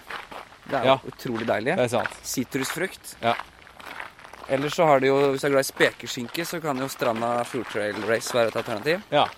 Da Ja, løper du det er jo- gjennom eh, hovedkvarteret til Stranda Skinka. Ja. Ja, da får du i hvert fall i deg nok salt. Svele har jeg ikke funnet løp som tilbyr ennå, men det kunne også vært noe Da- på Vestlandet. Ja, Vi burde jo laga et eh, rosinbollerace. Boller, ja. Ikke sant? Det har jeg enda ikke. Det har jeg til gode å se ute i løypa. Du får jo bolle på Oslo Du, Maraton. eh, Ivar Formos mineløp, Ja. de hadde rosinbolle i, eh, i målområdet. Hadde de? Ja. Det er jo ett løp jeg husker før- Sørkedalsløpet er kanskje det løpet jeg har løpt hvor jeg har fått mest mat i mål. For det er, det er jo et ganske kort løp på 12 km Ja. i Oslo i Sørkedalen. Når du kommer i mål, så får du gjerne et brød. Så får du suppe, viltsuppe fra Kikkut. Ja. Og så får du gjerne rosinbolle i tillegg. Og ja. Det var kanskje det. Men jeg husker iallfall fikk veldig mye mat der. Vi bare tar rundt her, så vi får litt sol i fleisen. Ja, det er digg.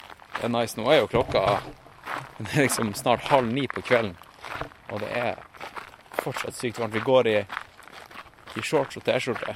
Ja, det er, nei, nå er det deilig, altså.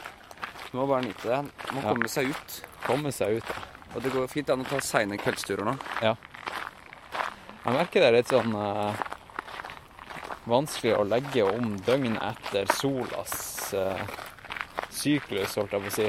Ja. Dem- Jeg er så vant til at i vinter så har jeg lagt meg tidlig og, og opp tidlig, ikke sant, og trener og, og sånt, og nå er det plutselig Nå sier sola at nå får du lov til å være oppe seint Ikke sant? og, og trene seint, og, og nå er det så Nei, varmt Eh, det er også at det er sant. vanskelig å sove. Så Nei, det kan ta litt tid der. Nå er vi jo her hvor tirsdagstoget pleier å dukke opp. Ja. Ved bommen på Lofthus. Ja, det er stirsdagstoget. Det er jo ikke Ja. alle lyttere som vet hva stirsdag er. Nei, det er noe av det beste som har skjedd meg de siste åra, er jo å treffe dere som driver Skyblazers, som arrangerer tirsdag. Den ukentlige treningen fra Disen i Oslo. Klokka seks på tirsdager. Ikke sant? Ja. Og som har gjort at jeg er blitt kjent med mange, masse andre løpere. Ja. Så nå er det jo alltid noen som blir med og løper hvis man har lyst til å løpe med noen andre. Ja, ikke sant? Stort sett. Det er luksusproblem nå. Og Før, for, før var vi ganske alene, altså. Nå Ja, er det ja. bare å reach out, og så har du plutselig liksom ti stykk på en, eh, på en vanlig onsdagskveld å springe sammen med. det er helt fantastisk. Så har du folk som er like gærne som deg, ikke sant? Som også er interessert i å snakke om eh, såler og sokker og capser og hva det måtte være. Ja. Turer og Nei, så tirsdagstoget går jo forbi der. Her pleier jeg ofte å vente. Du bruker å sitte oppe i lia. Ja, det hender jeg blir litt dårlig tid, så jeg ikke rekker ned til start. Men nå har jeg skjønt at jeg går glipp av en del god prat på Det, start. det er sant, det. Så nå sist så kom jeg meg ned i tide. Ja, da får du bra oppvarming, altså. Ja, du går glipp av masse høydemeter når jeg starter her oppe. Kan ikke du fortelle meg hva du, Det har jeg ikke gjort mange år. kan ikke du, fortelle meg hva du, hva du jobber som? Hva du gjør eh, ellers? Ja. Før du blåser på den her eh, Hva det er slags plante? Nei, jeg bare fant en gammel løvetann som nå ikke var gul lenger, men som har sånne hvite eh, frø du kan blåse. Det har jeg ikke gjort på årevis. Så det var litt gøy. Nei, eh, ja, jeg jobber jo som digital rådgiver i NHO. Ja. Det er jo en sånn organisasjon hvor alle mulige bedrifter er medlem. Ja. Alt fra hoteller til puber til flyselskap. Ja. Så der jobber jeg i markedsavdelingen og tilrettelegger hva vi har på nettsidene våre og i sosiale medier. Mye. Holder kurs om digital kommunikasjon, jeg òg. Både internt og for bedrifter.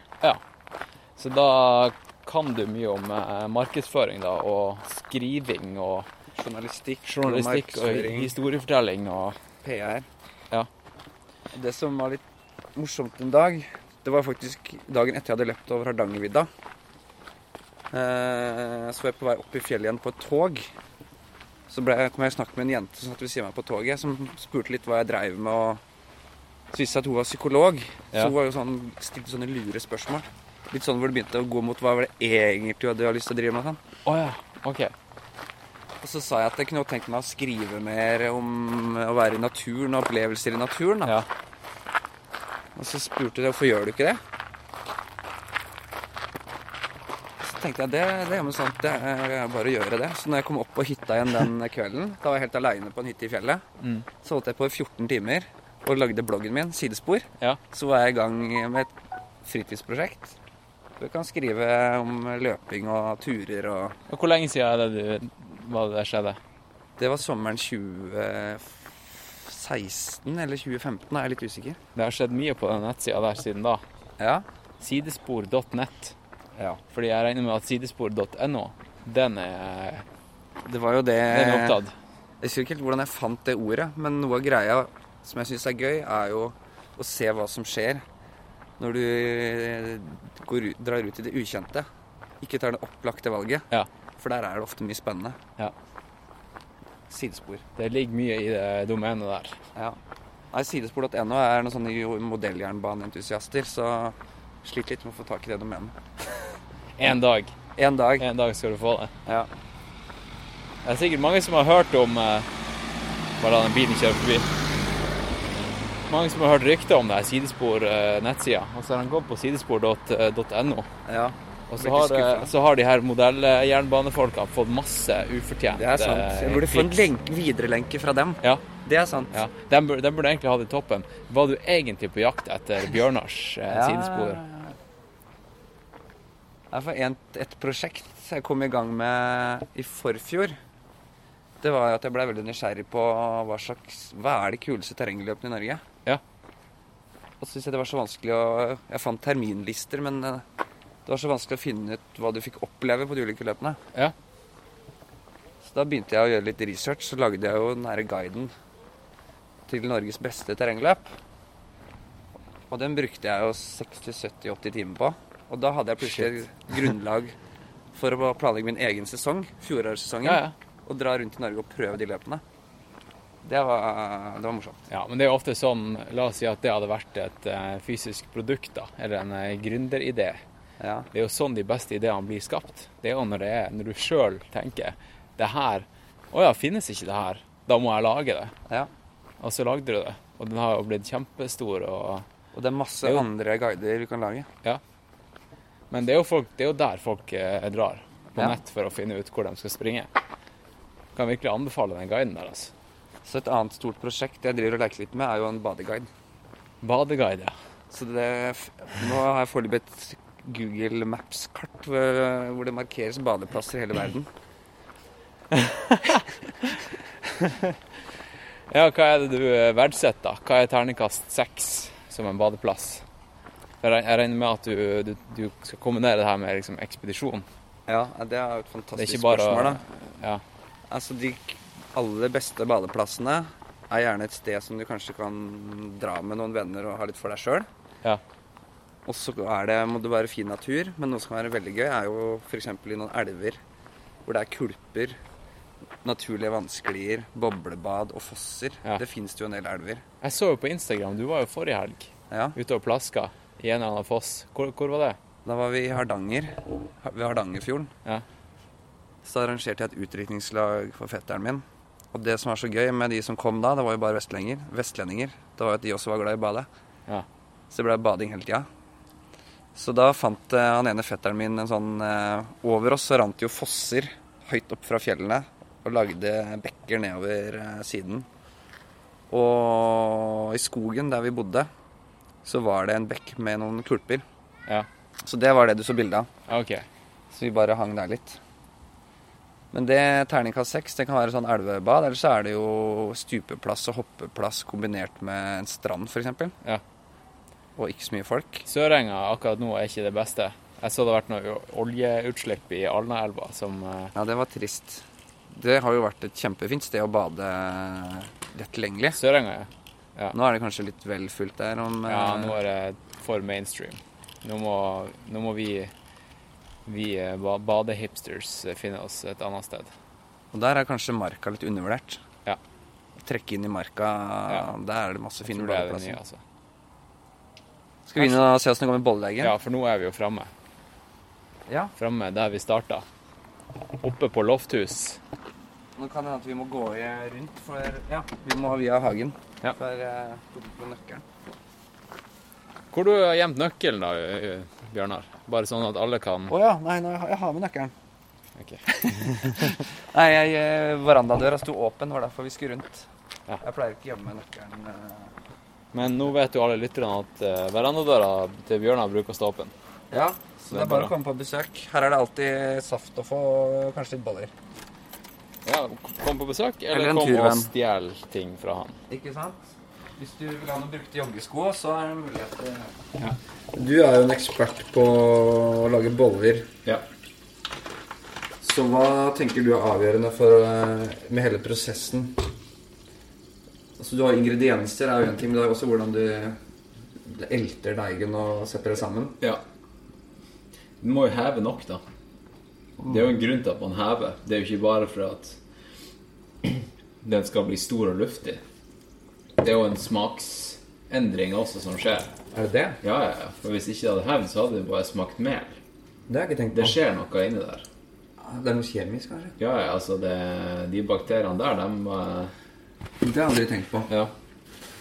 At det påvirker smaken, ja. For det Ja, handler altså jo Hvis om- det bare var bollesmak jeg var ute etter, så hadde vi jo bare eh, Jeg vet ikke. Bare spist det umiddelbart. Ja. Eller bare stekt det i panna. Sant? Så det er, jo, det er jo en grunn til at vi hever det. Det skulle vært morsomt å tatt en sånn bli en liten test på. Tatt ut litt av deigen som man lagde boller med uten heving.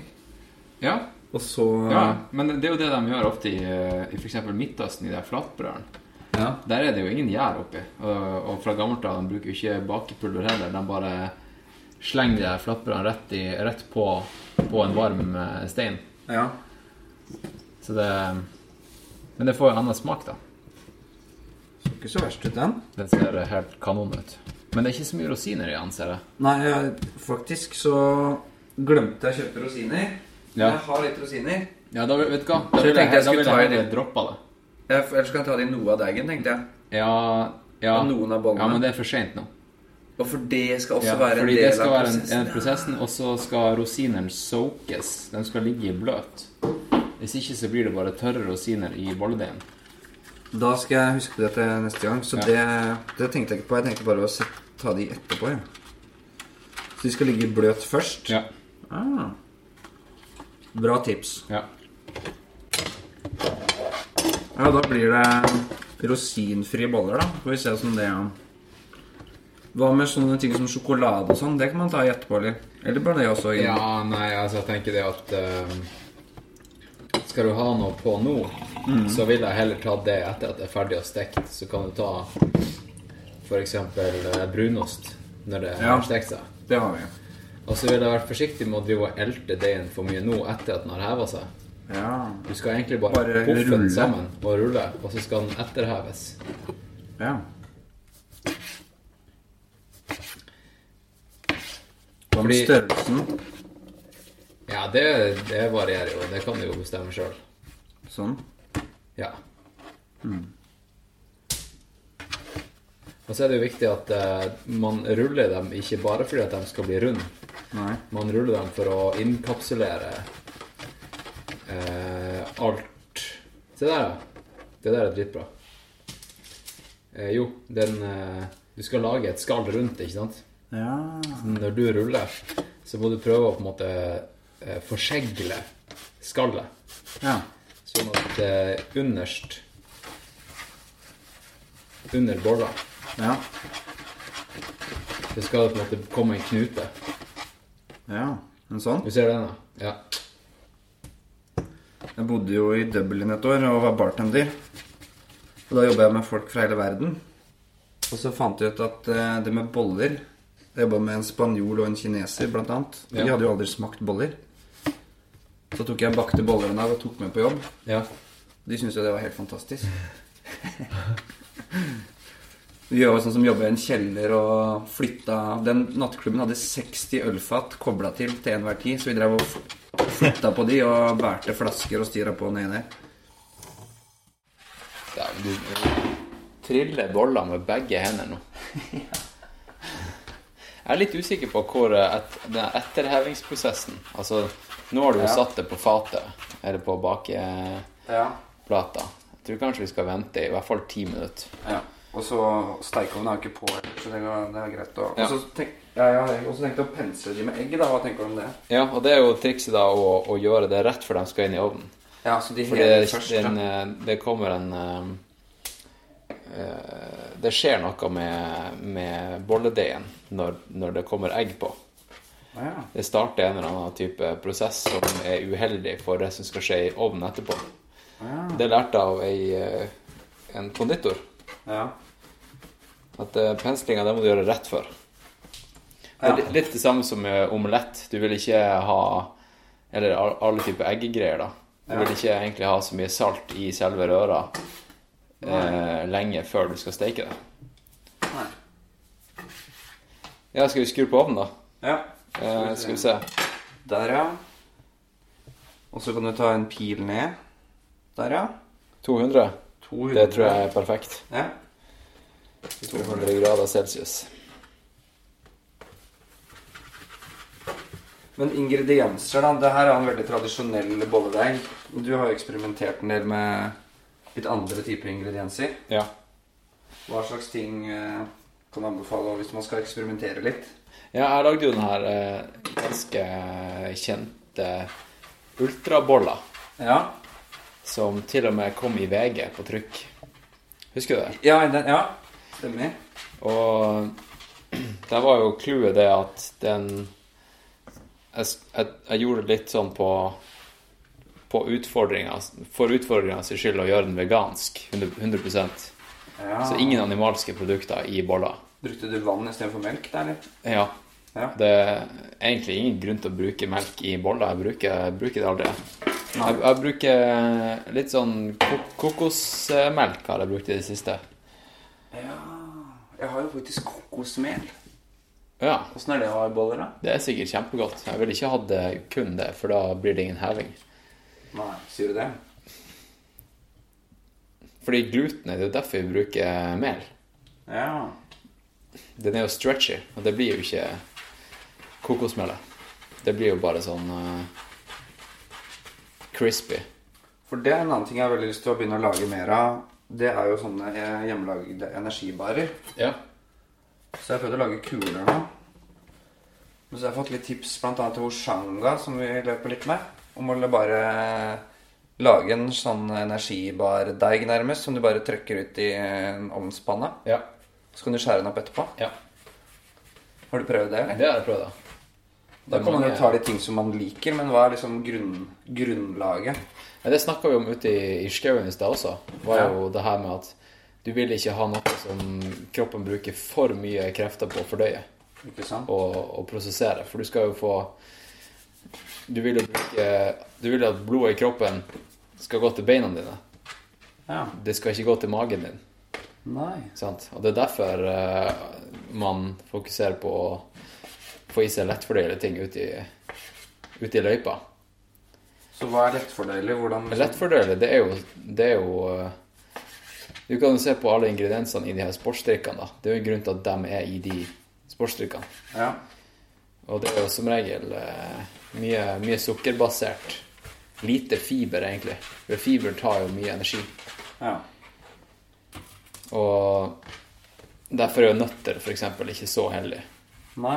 Jeg merka på f- For jeg har pleid å spise nøtter med sånn KRS Ultra. Da løper jeg mye høyere puls. Da begynte det å bli vanskelig å spise nøtter, merka jeg. Ja, ja. ja, jo høyere puls, jo, jo vanskeligere blir det å ta til seg næring. Ja. Og det er derfor denne måten ja. er blitt en hit. Ikke sant? Fordi den er laga for eh, maratonløping under høy intensitet. Ja. Og den skal visstnok da fungere eh, Kroppen skulle kunne ta opp enda mer kalorier under høy intensitet. Jeg har oppskrift på en type energikuler med knuste nøtter, da. Er det noe forskjell på det, eller er det fortsatt Ja, jeg tror du kan komme langt med å, å hjelpe kroppen sitt fordøyelsessystem og rett og slett bare grinde opp ting Ja. mye. Altså En hel nøtt er jo selvfølgelig vanskeligere for magen å ta hånd om enn en Ja. kverna nøtt. Ja. Men du har fortsatt fibrene.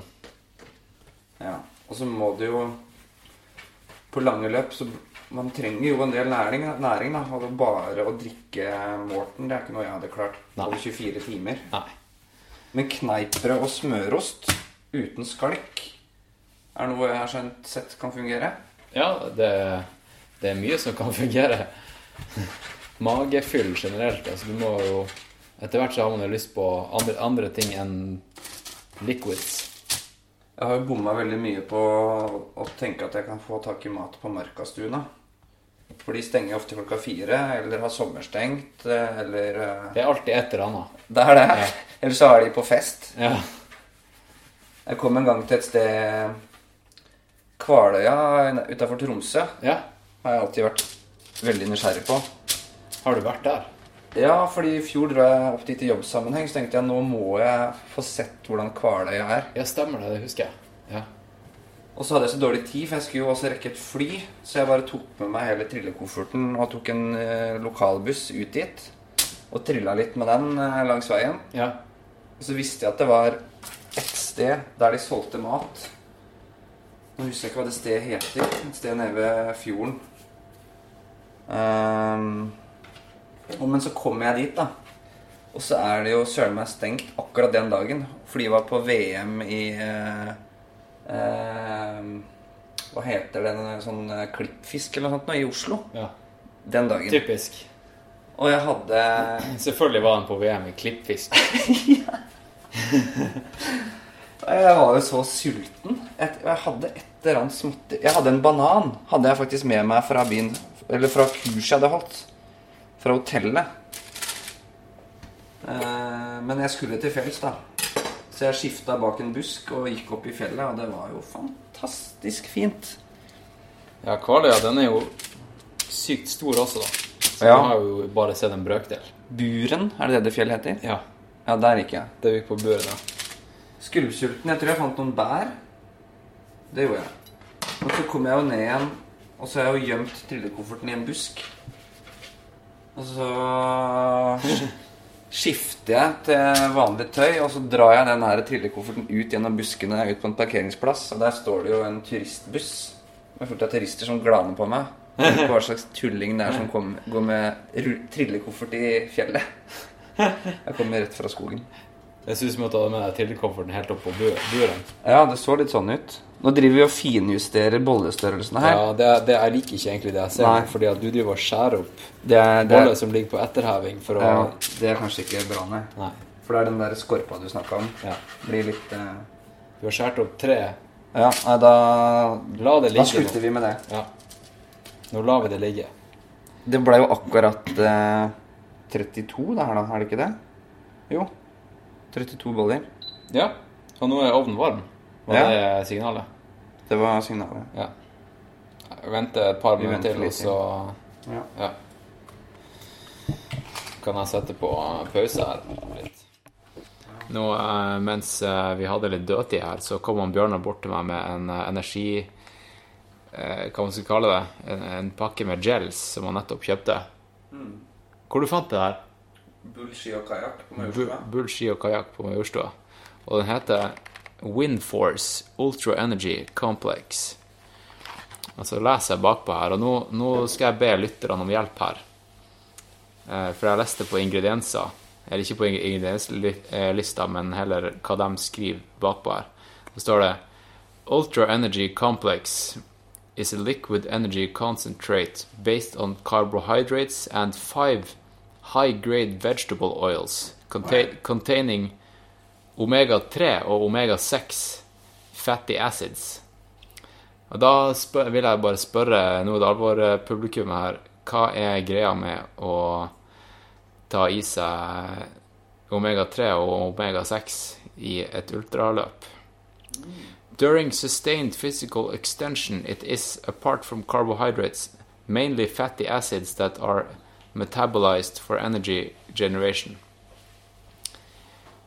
The increased supply of high grade fatty acids preserves the body's glycogen reserves and supports performance over an extended period of time.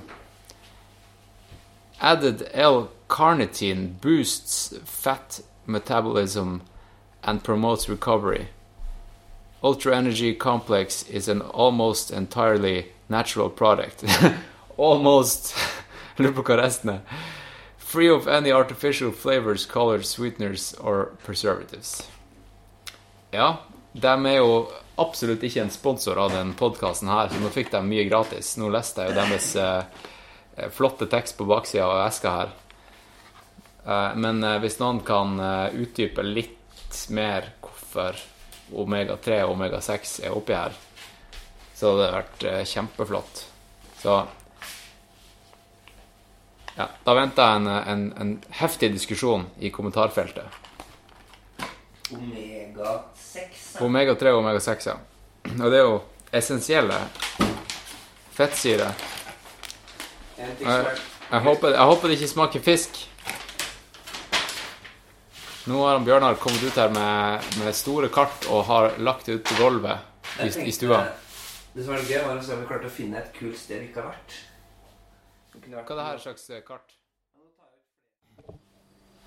Ja, nå har eh, han Bjørnar kommet bort med med ei bok som heter Løpeboka, og det er Løplabbets beste tips. Løp variert, effektivt og skadefritt hele året, hele livet.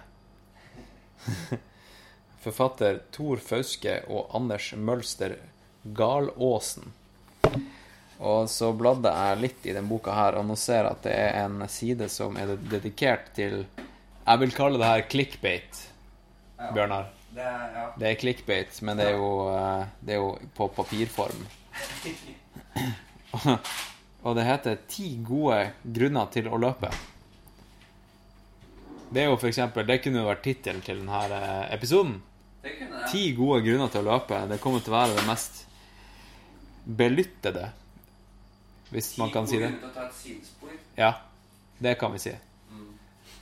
Ok, vi kan, ok, vi kan lese opp de her ti grunnene, så kan vi eh, vinkle det mot sidespor. Ja. Ok, er du klar for nummer én? Ja. Kroppen liker å løpe. ja. Vil du si at det stemmer, Bjørnar? Er hodet inkludert i kroppen da, eller er det bare kroppen? Ja, det står Vi er skapt for å være i bevegelse. Løping kan utløse positive følelser i kroppen og øke både fysisk og psykisk velvære. Det kjenner jeg meg veldig enig i. Kan du gå god for den? Ja. Ja. Du blir jo glad av å løpe, tenker jeg da. Det blir jo det. Ja. Ok. Nummer to. Løping er bra for helsa. Løpetrening kan forebygge hjerte- og karsykdommer, beinskjørhet og en rekke andre sykdommer og helseproblemer. Uttrykket 'løp for livet' har med andre ord flere betydninger enn flukt. Det tenker jeg er en bonus, da. Ja. For det er- det er jo ikke derfor jeg løper, men det er jo kjempeflott. Ja, det At er sånn. flott. Det er... Ultraløping er kanskje ikke det sunneste du kan gjøre. Nei, for der har jeg, hører jeg litt ulike ting. Noen mener jo at det er jo helt idiotisk, at det er ordentlig usunt. Men det, f- det føler jeg ikke, da. Men man, Nei, man det- sliter jo på ting, da. Det gjør du jo, og stressbrudd, for eksempel. Ja. Når, du, når du brekker lårhalsen bare av å springe Ja, fordi at du sprang eh, Bislett 24. det, det har gått for langt. Da har det gått for langt. Det er noe med å stoppe i tide òg. ja. Hvis det Man må lytte til kroppen. Det er en del av greia, altså. ja. OK, nummer tre. Mens du sjekker på bollene her. Ja, nå ser det veldig bra ut her. Begynner det å ligne noe? Ja, kan la det stå litt til. Litt til. OK, er du klar? Ja. Løping er effektiv trening. ja. Løping gir et høyt treningsutbytte per minutt. Du forbrenner flere kalorier ved å løpe en halvtime enn ved å sykle eller gå. Ja, altså Å forbrenne kalorier det, du, du forbrenner nok mer kalorier av av å løfte 150 i knebøy i halvtimen kontra å løpe på sti en halvtime. Men eh, jeg syns ikke det er et gyldig argument, da. Men du kan eh, Altså, man kan lage løpeøkter som er korte, som du kan få mye ut av. Ja. Kan man jo tenke, da. ja. løpe intervaller og sånne ting, men eh, høyt Den, sy- jeg syns den var litt teit. Ja. Det, det tror jeg kanskje hvis, det, hvis de har prøvd å runde oppover til ti, så var kanskje den eh, der de ble busta. Ok. Ok. Eh, løping krever lite utstyr. Ja. Det Det, er sant, med mindre man skal løpe X-raid.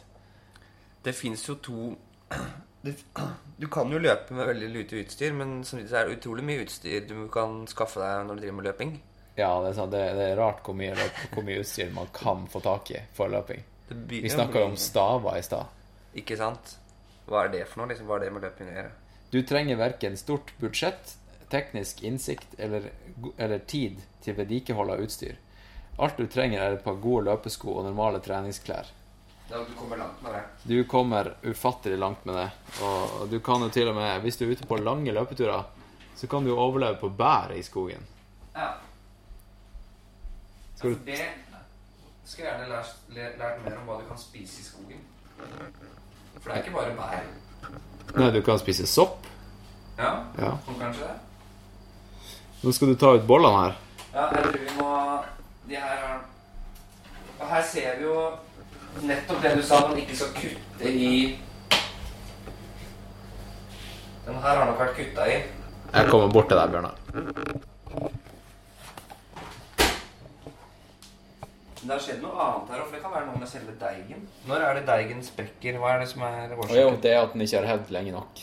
Det er et eh, klassisk tegn på at eh, Men da må det være For den heva jo lenge når vi var ute. Er det Ja, men det er etterhevinga. Den er også litt kritisk, både for smak og struktur.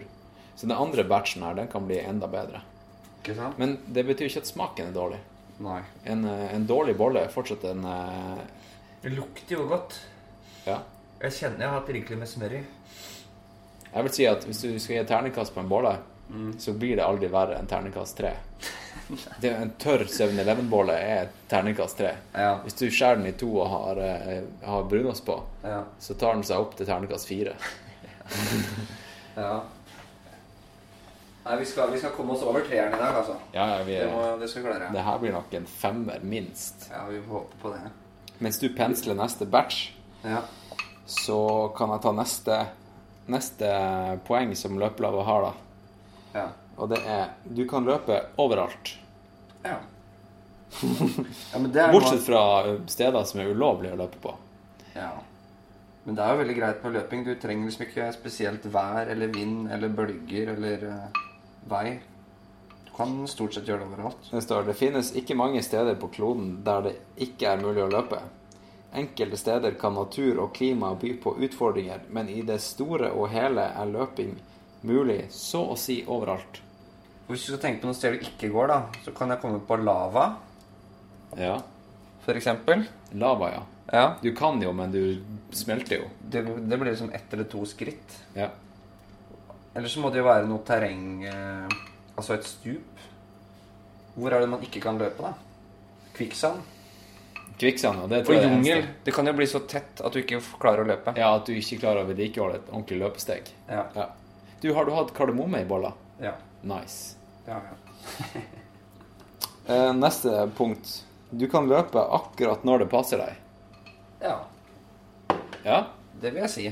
Altså, noen ganger så må man jo ta hensyn til andre. Det, Men... ja, men eh, hvis du ikke gjør Hvis du ikke er en sånn person, Nei, nei. så kan du Folk bare løper jo hele døgnet. Nå skal vi jo løpe på natta og Ja, du skal jo på, på fredag. Ja. Da blir det litt nattløping, rett og slett, for å trene på det.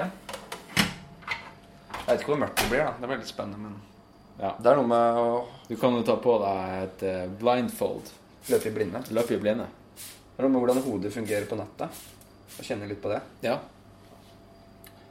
Da er brett nummer to i gang. Ja. Vi tar på litt lengre tid nå, kanskje tolv. ja. Skal vi se, det var feil den. Løping er ikke farlig.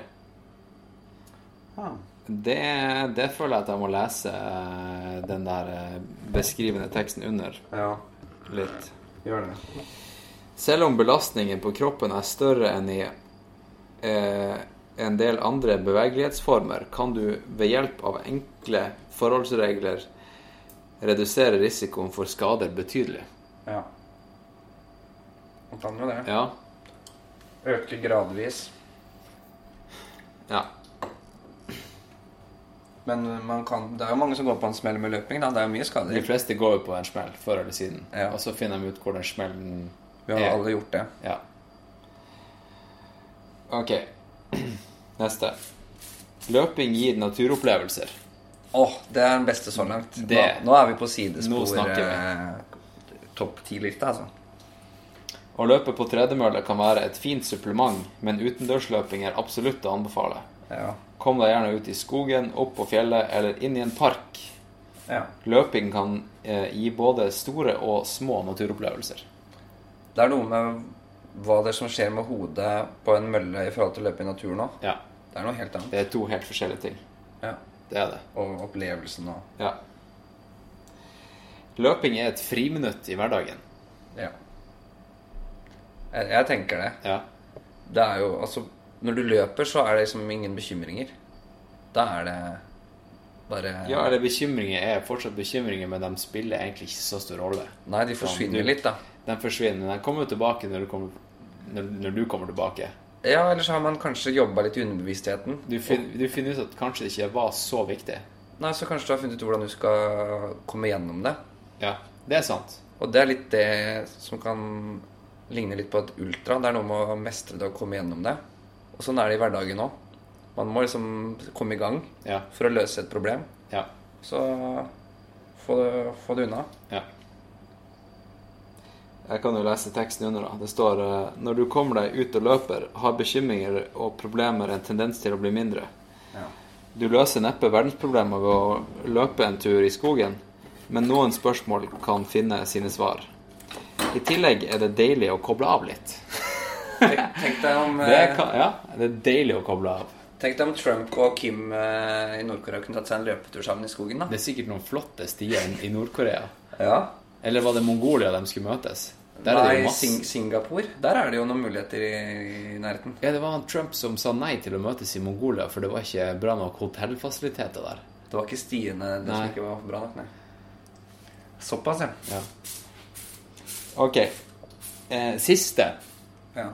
skal vi legge inn en trommevirvel på podkasten. Ja. Jeg tror jeg klipper inn et bedre enn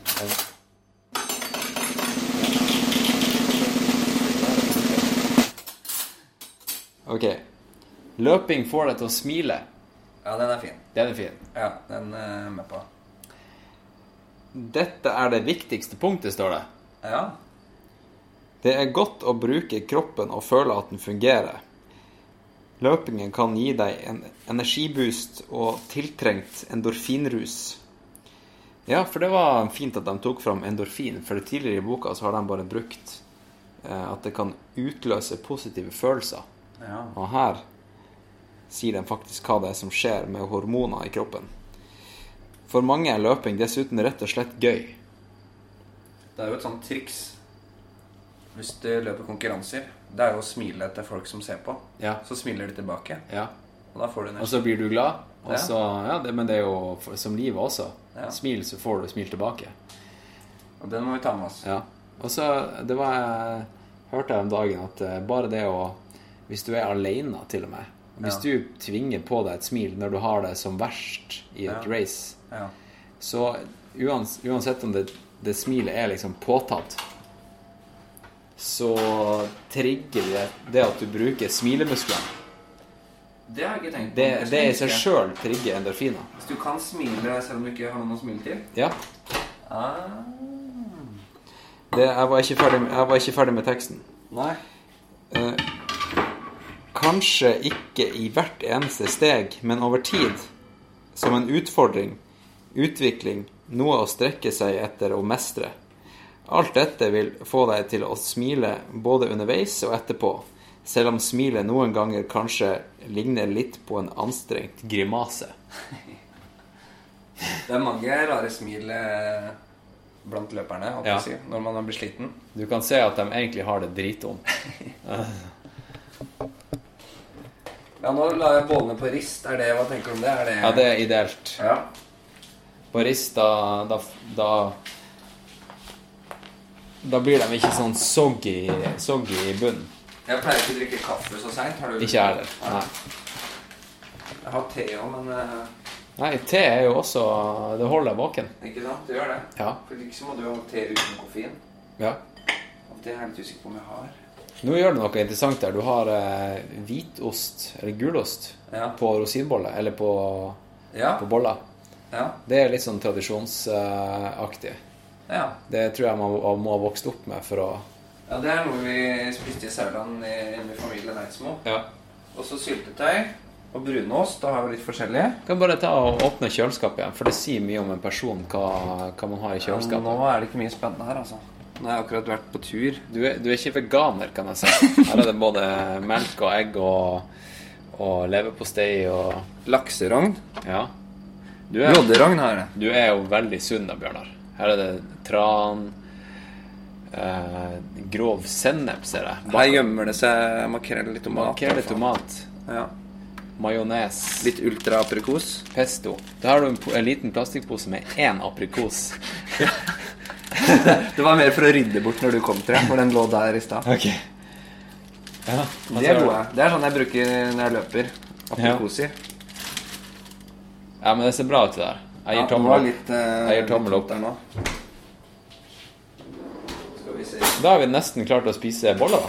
Yes. Nå er det Vil du heller ha sånn Funlight-saft, eller? Vil du ha vann, eller? Nei, det tar bare vannet. Ja.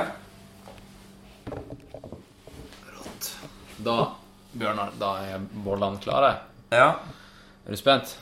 Jeg er litt spent, fordi eh, nå er det lenge siden jeg har bakt boller. Og så har, vi, har jeg bakt de uten rosiner denne gangen her. Ja. Så, og så har jeg jo en besøk av en som er god på jernbakst. Ja, men som jeg sa, uansett hvor dårlig en bolle er, så blir det ikke verre enn eh, terningkast tre. Så du starter på terningkast tre. Egentlig så er det jo eh, veldig bra å ha besøk av en ekte bolleentusiast som setter pris på boller. Ja. Altså, uansett, eh, fersk gjærbakst når det kommer rett ut av ovnen, er jo det beste som finnes. Ja. Den lukta av leilighet her er jo til å ta og føle på. Det er sant. Og eh, en rosinbolle med Eller det er jo ikke rosinbolle, men søt gjærbakst med, med geitost, Ja. brunost, Det er digg. det er det beste. Nyåpna Som- som finnes. gudbrandsdalsost her Ja. nå. Det, det passer jo bra at jeg er kjempesulten nå også. Det passer utmerket, for nå har vi 32 boller her, så nå skal det være nok. eh, Jeg vet ikke om du hørte den mukbang-episoden. Jeg Eller hørte epi ikke mye av den, i episodene. hvert fall. Så vi kunne jo livestreama det her, da. Og sørkoreanere som så på. Vi spiste boller. Å ja, nei, den! Det var det. Nei, den har jeg ikke hørt. Nei. Var det det? Spiste dere boller live? Ja. Nei, vi spiste noe annet tjafs fra innvandrersjappe. ja. Og det var Jeg tror det var på et tidspunkt kanskje seks stykk som så på at vi spiste masse grønnsaker. Ok. Ja, nå skjærer du en eh, bolle i to. Jeg, jeg gjør rett Jeg og vil, slett det. jeg, vil, jeg vil at du skal ta oss gjennom eh, seansen her nå på hva, hva du legger på boller og Ja, nå, den ser fin ut inni. Ja. Lukter godt. Jeg har også hatt i litt kardemomme. ja. Så nå tar Det jeg på merkes. Det merkes. Nå var det litt sånn Vitagod jeg hadde i kjøleskapet i dag. Vita hjertegod, Ja. ikke lita god. Nei. Det er stor forskjell.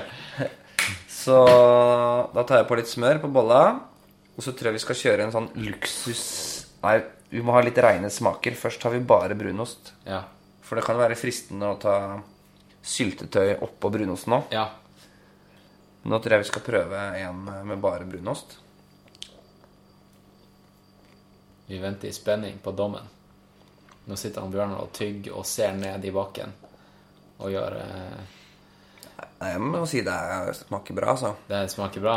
Det gjør det. Ja. Nei, det er eh, Vi er, eh, vi er over treeren, altså. Vi overtrer den. Ja. Så det er, det er bra. OK. Jeg tror vi er oppe og nikker mot en sånn femmer. Jeg vil lukte på femmeren. Vi lukter på OK, jeg skal, jeg skal, jeg skal hoppe i det og prøve. Gjør det. Oi. Jeg har sett på en del sånne pizzaprogram på YouTube.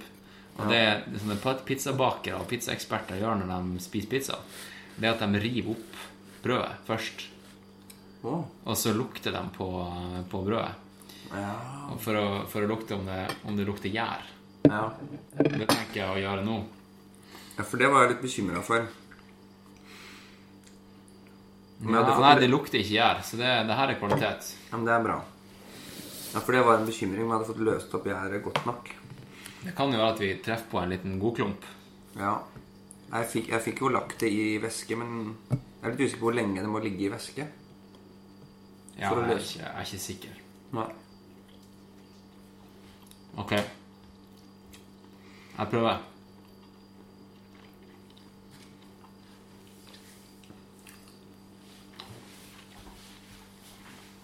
Ja, vi er på femmeren. Å, det, er, det, er, Vi er på femmeren. det var hyggelig å høre. Stor ståhei på Lofthus. Det er nesten så det er ettersmak. Altså Det er noe med smør og kardemomma som jeg merka nå etterpå. Jeg tror jeg har sagt det tidligere i en, i en podkastepisode at jeg var på Vinmonopolet en gang og skulle kjøpe, skulle kjøpe hvitvin. Ja. Og så spurte jeg ansatt der hva, om litt råd. Mm. Og så gikk hun bort til en vin, og så sa hun den her, den har litt sånne et hint av bolledeig. Nei. Jo, jo, jo. Og så var den i prisklassen også, så bare sa jeg til henne Solgt! det er min De er, favorittsmak. de er jo helt rå, noen av de på ja, Vinmonopolet. Altså. Snakk om å treffe spikeren, da. Kanskje hun visste hvem jeg var. Ja, hun må ha lest deg veldig godt. Kanskje hun har vært inne på YouTube og sett den der bolleanmelderepisodene. Jeg har jo en serie Bolle, bollekinn er det Du har jo ikke bollekinn Du kan vel ikke Nei, men jeg, har- jeg lagde en gang i tida et sånn her, eh, kanskje et fire episoder med en kompis, der vi gikk rundt på, på bakeri på Grünerløkka og kjøpte boller og anmeldte boller. Å ja. Ga dem terningkast. Hvem kom best ut? Eh, jeg tror det var Godt brød som kom best ut. Ja. Nå må jeg bare si når jeg har prøvd en annen vri. Ja, du tok syltetøy? Nå tok jeg Tine smør Ja. og jordbærsyltetøy. Det var knallbra. Altså. Det var bedre, eller? Ja, det, altså brun, Den osten er jo veldig kraftig. Gudbrandsdalen. Ja, sant det. Den, den, den dominant. Den ble litt dominerende, Ja. så jeg måtte bare prøve en litt mildere variant. Ja, den må jeg også prøve. Jeg setter på pause her mens vi koser oss litt. Ja, Vi kan lytteren også kanskje bli inspirert til å bake litt. ikke sant? Ja. Nå midt i, i bollespisinga nå, nå, vi, vi tok jo på pause i stad. Og imens så har vi spist to boller til hver, cirka. Minst. Ja, Og eh, det smakte jo. ja, det gjorde det. Det er utmerket. Takk. Vær så god. Hyggelig å ha en bolleentusiast på besøk. Ja. Og så før vi, før vi avslutter det her, eh, hva man skal kalle det, seansen Det er jo ikke et intervju. Det har vært en prat. Ja. det, den her nettsida di Du, du snakka om alle de racene. ja. Vi snakka jo ikke om eh, hva, hva er liksom det, det ultimate racet du har skrevet om. ja. Hva er det beste? Hva du kan anbefale til lytteren? Som er litt uerfaren, og som vil starte med ultra, kanskje. Ja, for nå, prøvd, nå har jeg prøvd ganske mange, da. Og løpene har jo ulike kvaliteter. Ja.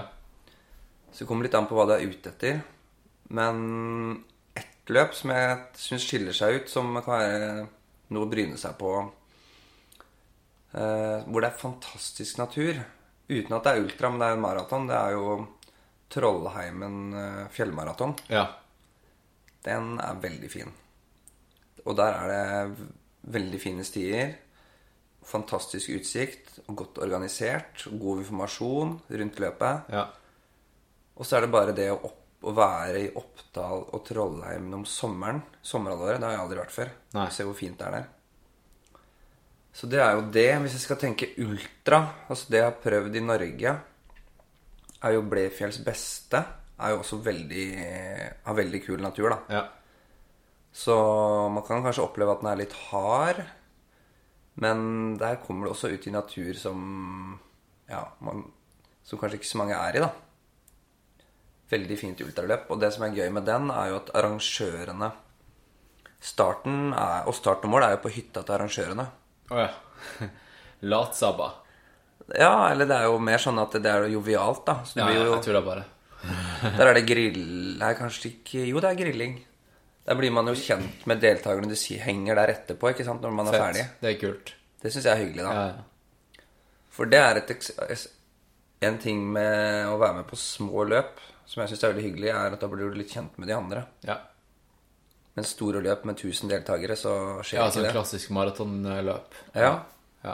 Eller utenlandske ultra og Skal vi se, hva var den, an- den siste ultraen jeg var med på i fjor, da? Romeriksåsen har jeg løpt, ja. Det er fint, det også. Det er en bra start, eh, entry-distanse og, Ja. og race. Nei, det, er- det er en fin start. Mens for å oppleve fantastisk natur, så er det kanskje andre løp. Og det trenger ikke være ultra, sånn som Stranda Fjord Trail Race. Ja. 33 km. Ja, men man bruker jo hvor mange timer? Nei, det tar jo tid. Jeg husker ikke hva jeg brukte, ja, men det var, det var vel fire-fem. Ikke sant? Så det er jo egentlig en ultra. Sånn, Ja. Og så syns jeg Tromsdalstind, da. Tromsø Skyrace Tromsdalstind. Den for det- korte versjonen. Det, du sier at den anbefaler du fordi at du har bare sprunget den. ja, Du har men ikke sprunget den lange. Nei, så det skal jeg jo i år. Ja, Men jeg tenker litt sånn hvis man har lyst til å prøve et fjelløp, ja sånn, ja. ja. så er den Tromsdalstind på rundt tre mil også en fin Ja. sånn start, da. Ja. Ehm, hvilke andre løp var det jeg var med på i fjor, da? Uh, Trollheimen, Stranda Det er også Hardangervidda maraton, som vi snakka så vidt om i pod tidligere. Som også er egentlig veldig fin. ja. Den fins både som halvmaraton og maraton. Ehm, ja, det er vel andre Hvilke andre ultra er det som jeg ikke har prøvd, da? Det fins jo ultra i Lofoten. Det er, det har kommet en ny, den derre San Senja. Senja, Sånn, ja. Det var, jo- det var jo i fjor også. Ja, Skyrace. den Men det er, er det ultra? Jeg er usikker. Den tror jeg er veldig fin. da Den tror jeg er dritfett. Ja. Altså, det er flere løp jeg ikke har prøvd. Jeg var med på flere i fjor òg, men nå husker jeg ikke alle i, i farta. Nei, men kult. Da har i hvert fall lytteren eh, hørt det fra deg. Og så kan jeg jo gå inn på sidespor.net. Det er bare å google terrengløp, OK, det er såpass. så kommer den Jeg har fått den opp på første, Ja, første treff. fett. Så der ligger det nå len- o- artikler om 25 løp, pluss lenker til f- 20-30 løp til i Ja. Norge. Da har du gjort en solid jobb, da. Ja. Den dagen hvis du googler 'podkast', og nå er det alvor kommer på toppen i Google, da, da har jeg gjort jobben min. Nei, så jeg håper det kan inspirere, da. Det er meningen. Ja. Nei, men Det tror jeg du har gjort, altså. Det er jo mange på, som vi har møtt, som, eh, som har lest den eh, guiden din og snakket snakka mye bra om den, så det er fett. Det er bra. Du, Er det noe annet du vil ta opp sånn mens du nå har sjansen?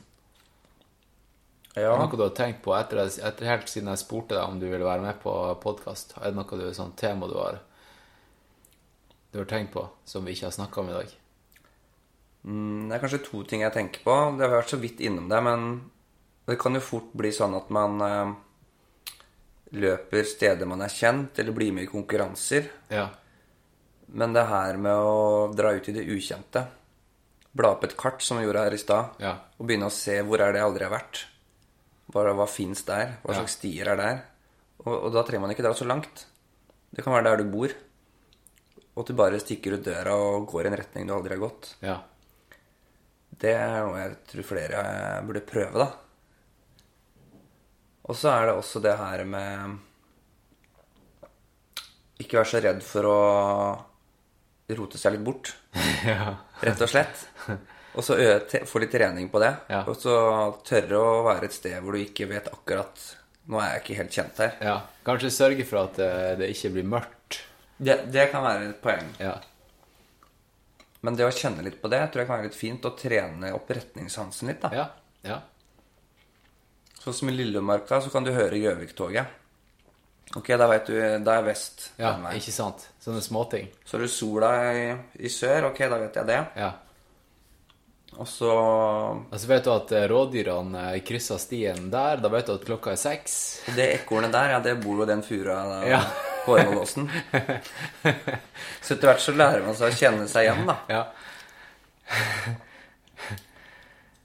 Nei, ellers så er det jo sånn som jeg tenker nå, nå har jeg løpt litt rundt i Norge, men verden er stor, altså. Jorda er rund også. Jorda er rund, Ja. og det, er, det her er noe jeg har lyst til å gjøre resten av livet. Ja. Og finne fine steder å løpe sammen med andre. Så det er bare å bli med på ferden. Bli med på ferden. Ja. Fett. Ja, da tror jeg, vet du hva, eh, de her, eh, de her podcastene som har hatt med, med folk der vi har spist og suttet med et bord, når jeg har trykket på stop recording, det er ofte da samtalen har startet. Så jeg tror jeg skal stoppe nå, og så skal jeg ta og snike meg til en ny recording. Og så skal jeg bare sette mikrofonen på bordet litt sånn eh, til sides. Og så skal vi bare late som at den ikke er der. Ja. Og så eh, eh, skal jeg release den bare til Patrion-supporters. ja. Det er jeg med på. Det skal jeg gjøre. All right. Eh, vi snakkes da, lytter. Og så snakkes vi kanskje i det man eh, på amerikansk eller på engelsk kaller the post show. Eh. Hey. Ha det.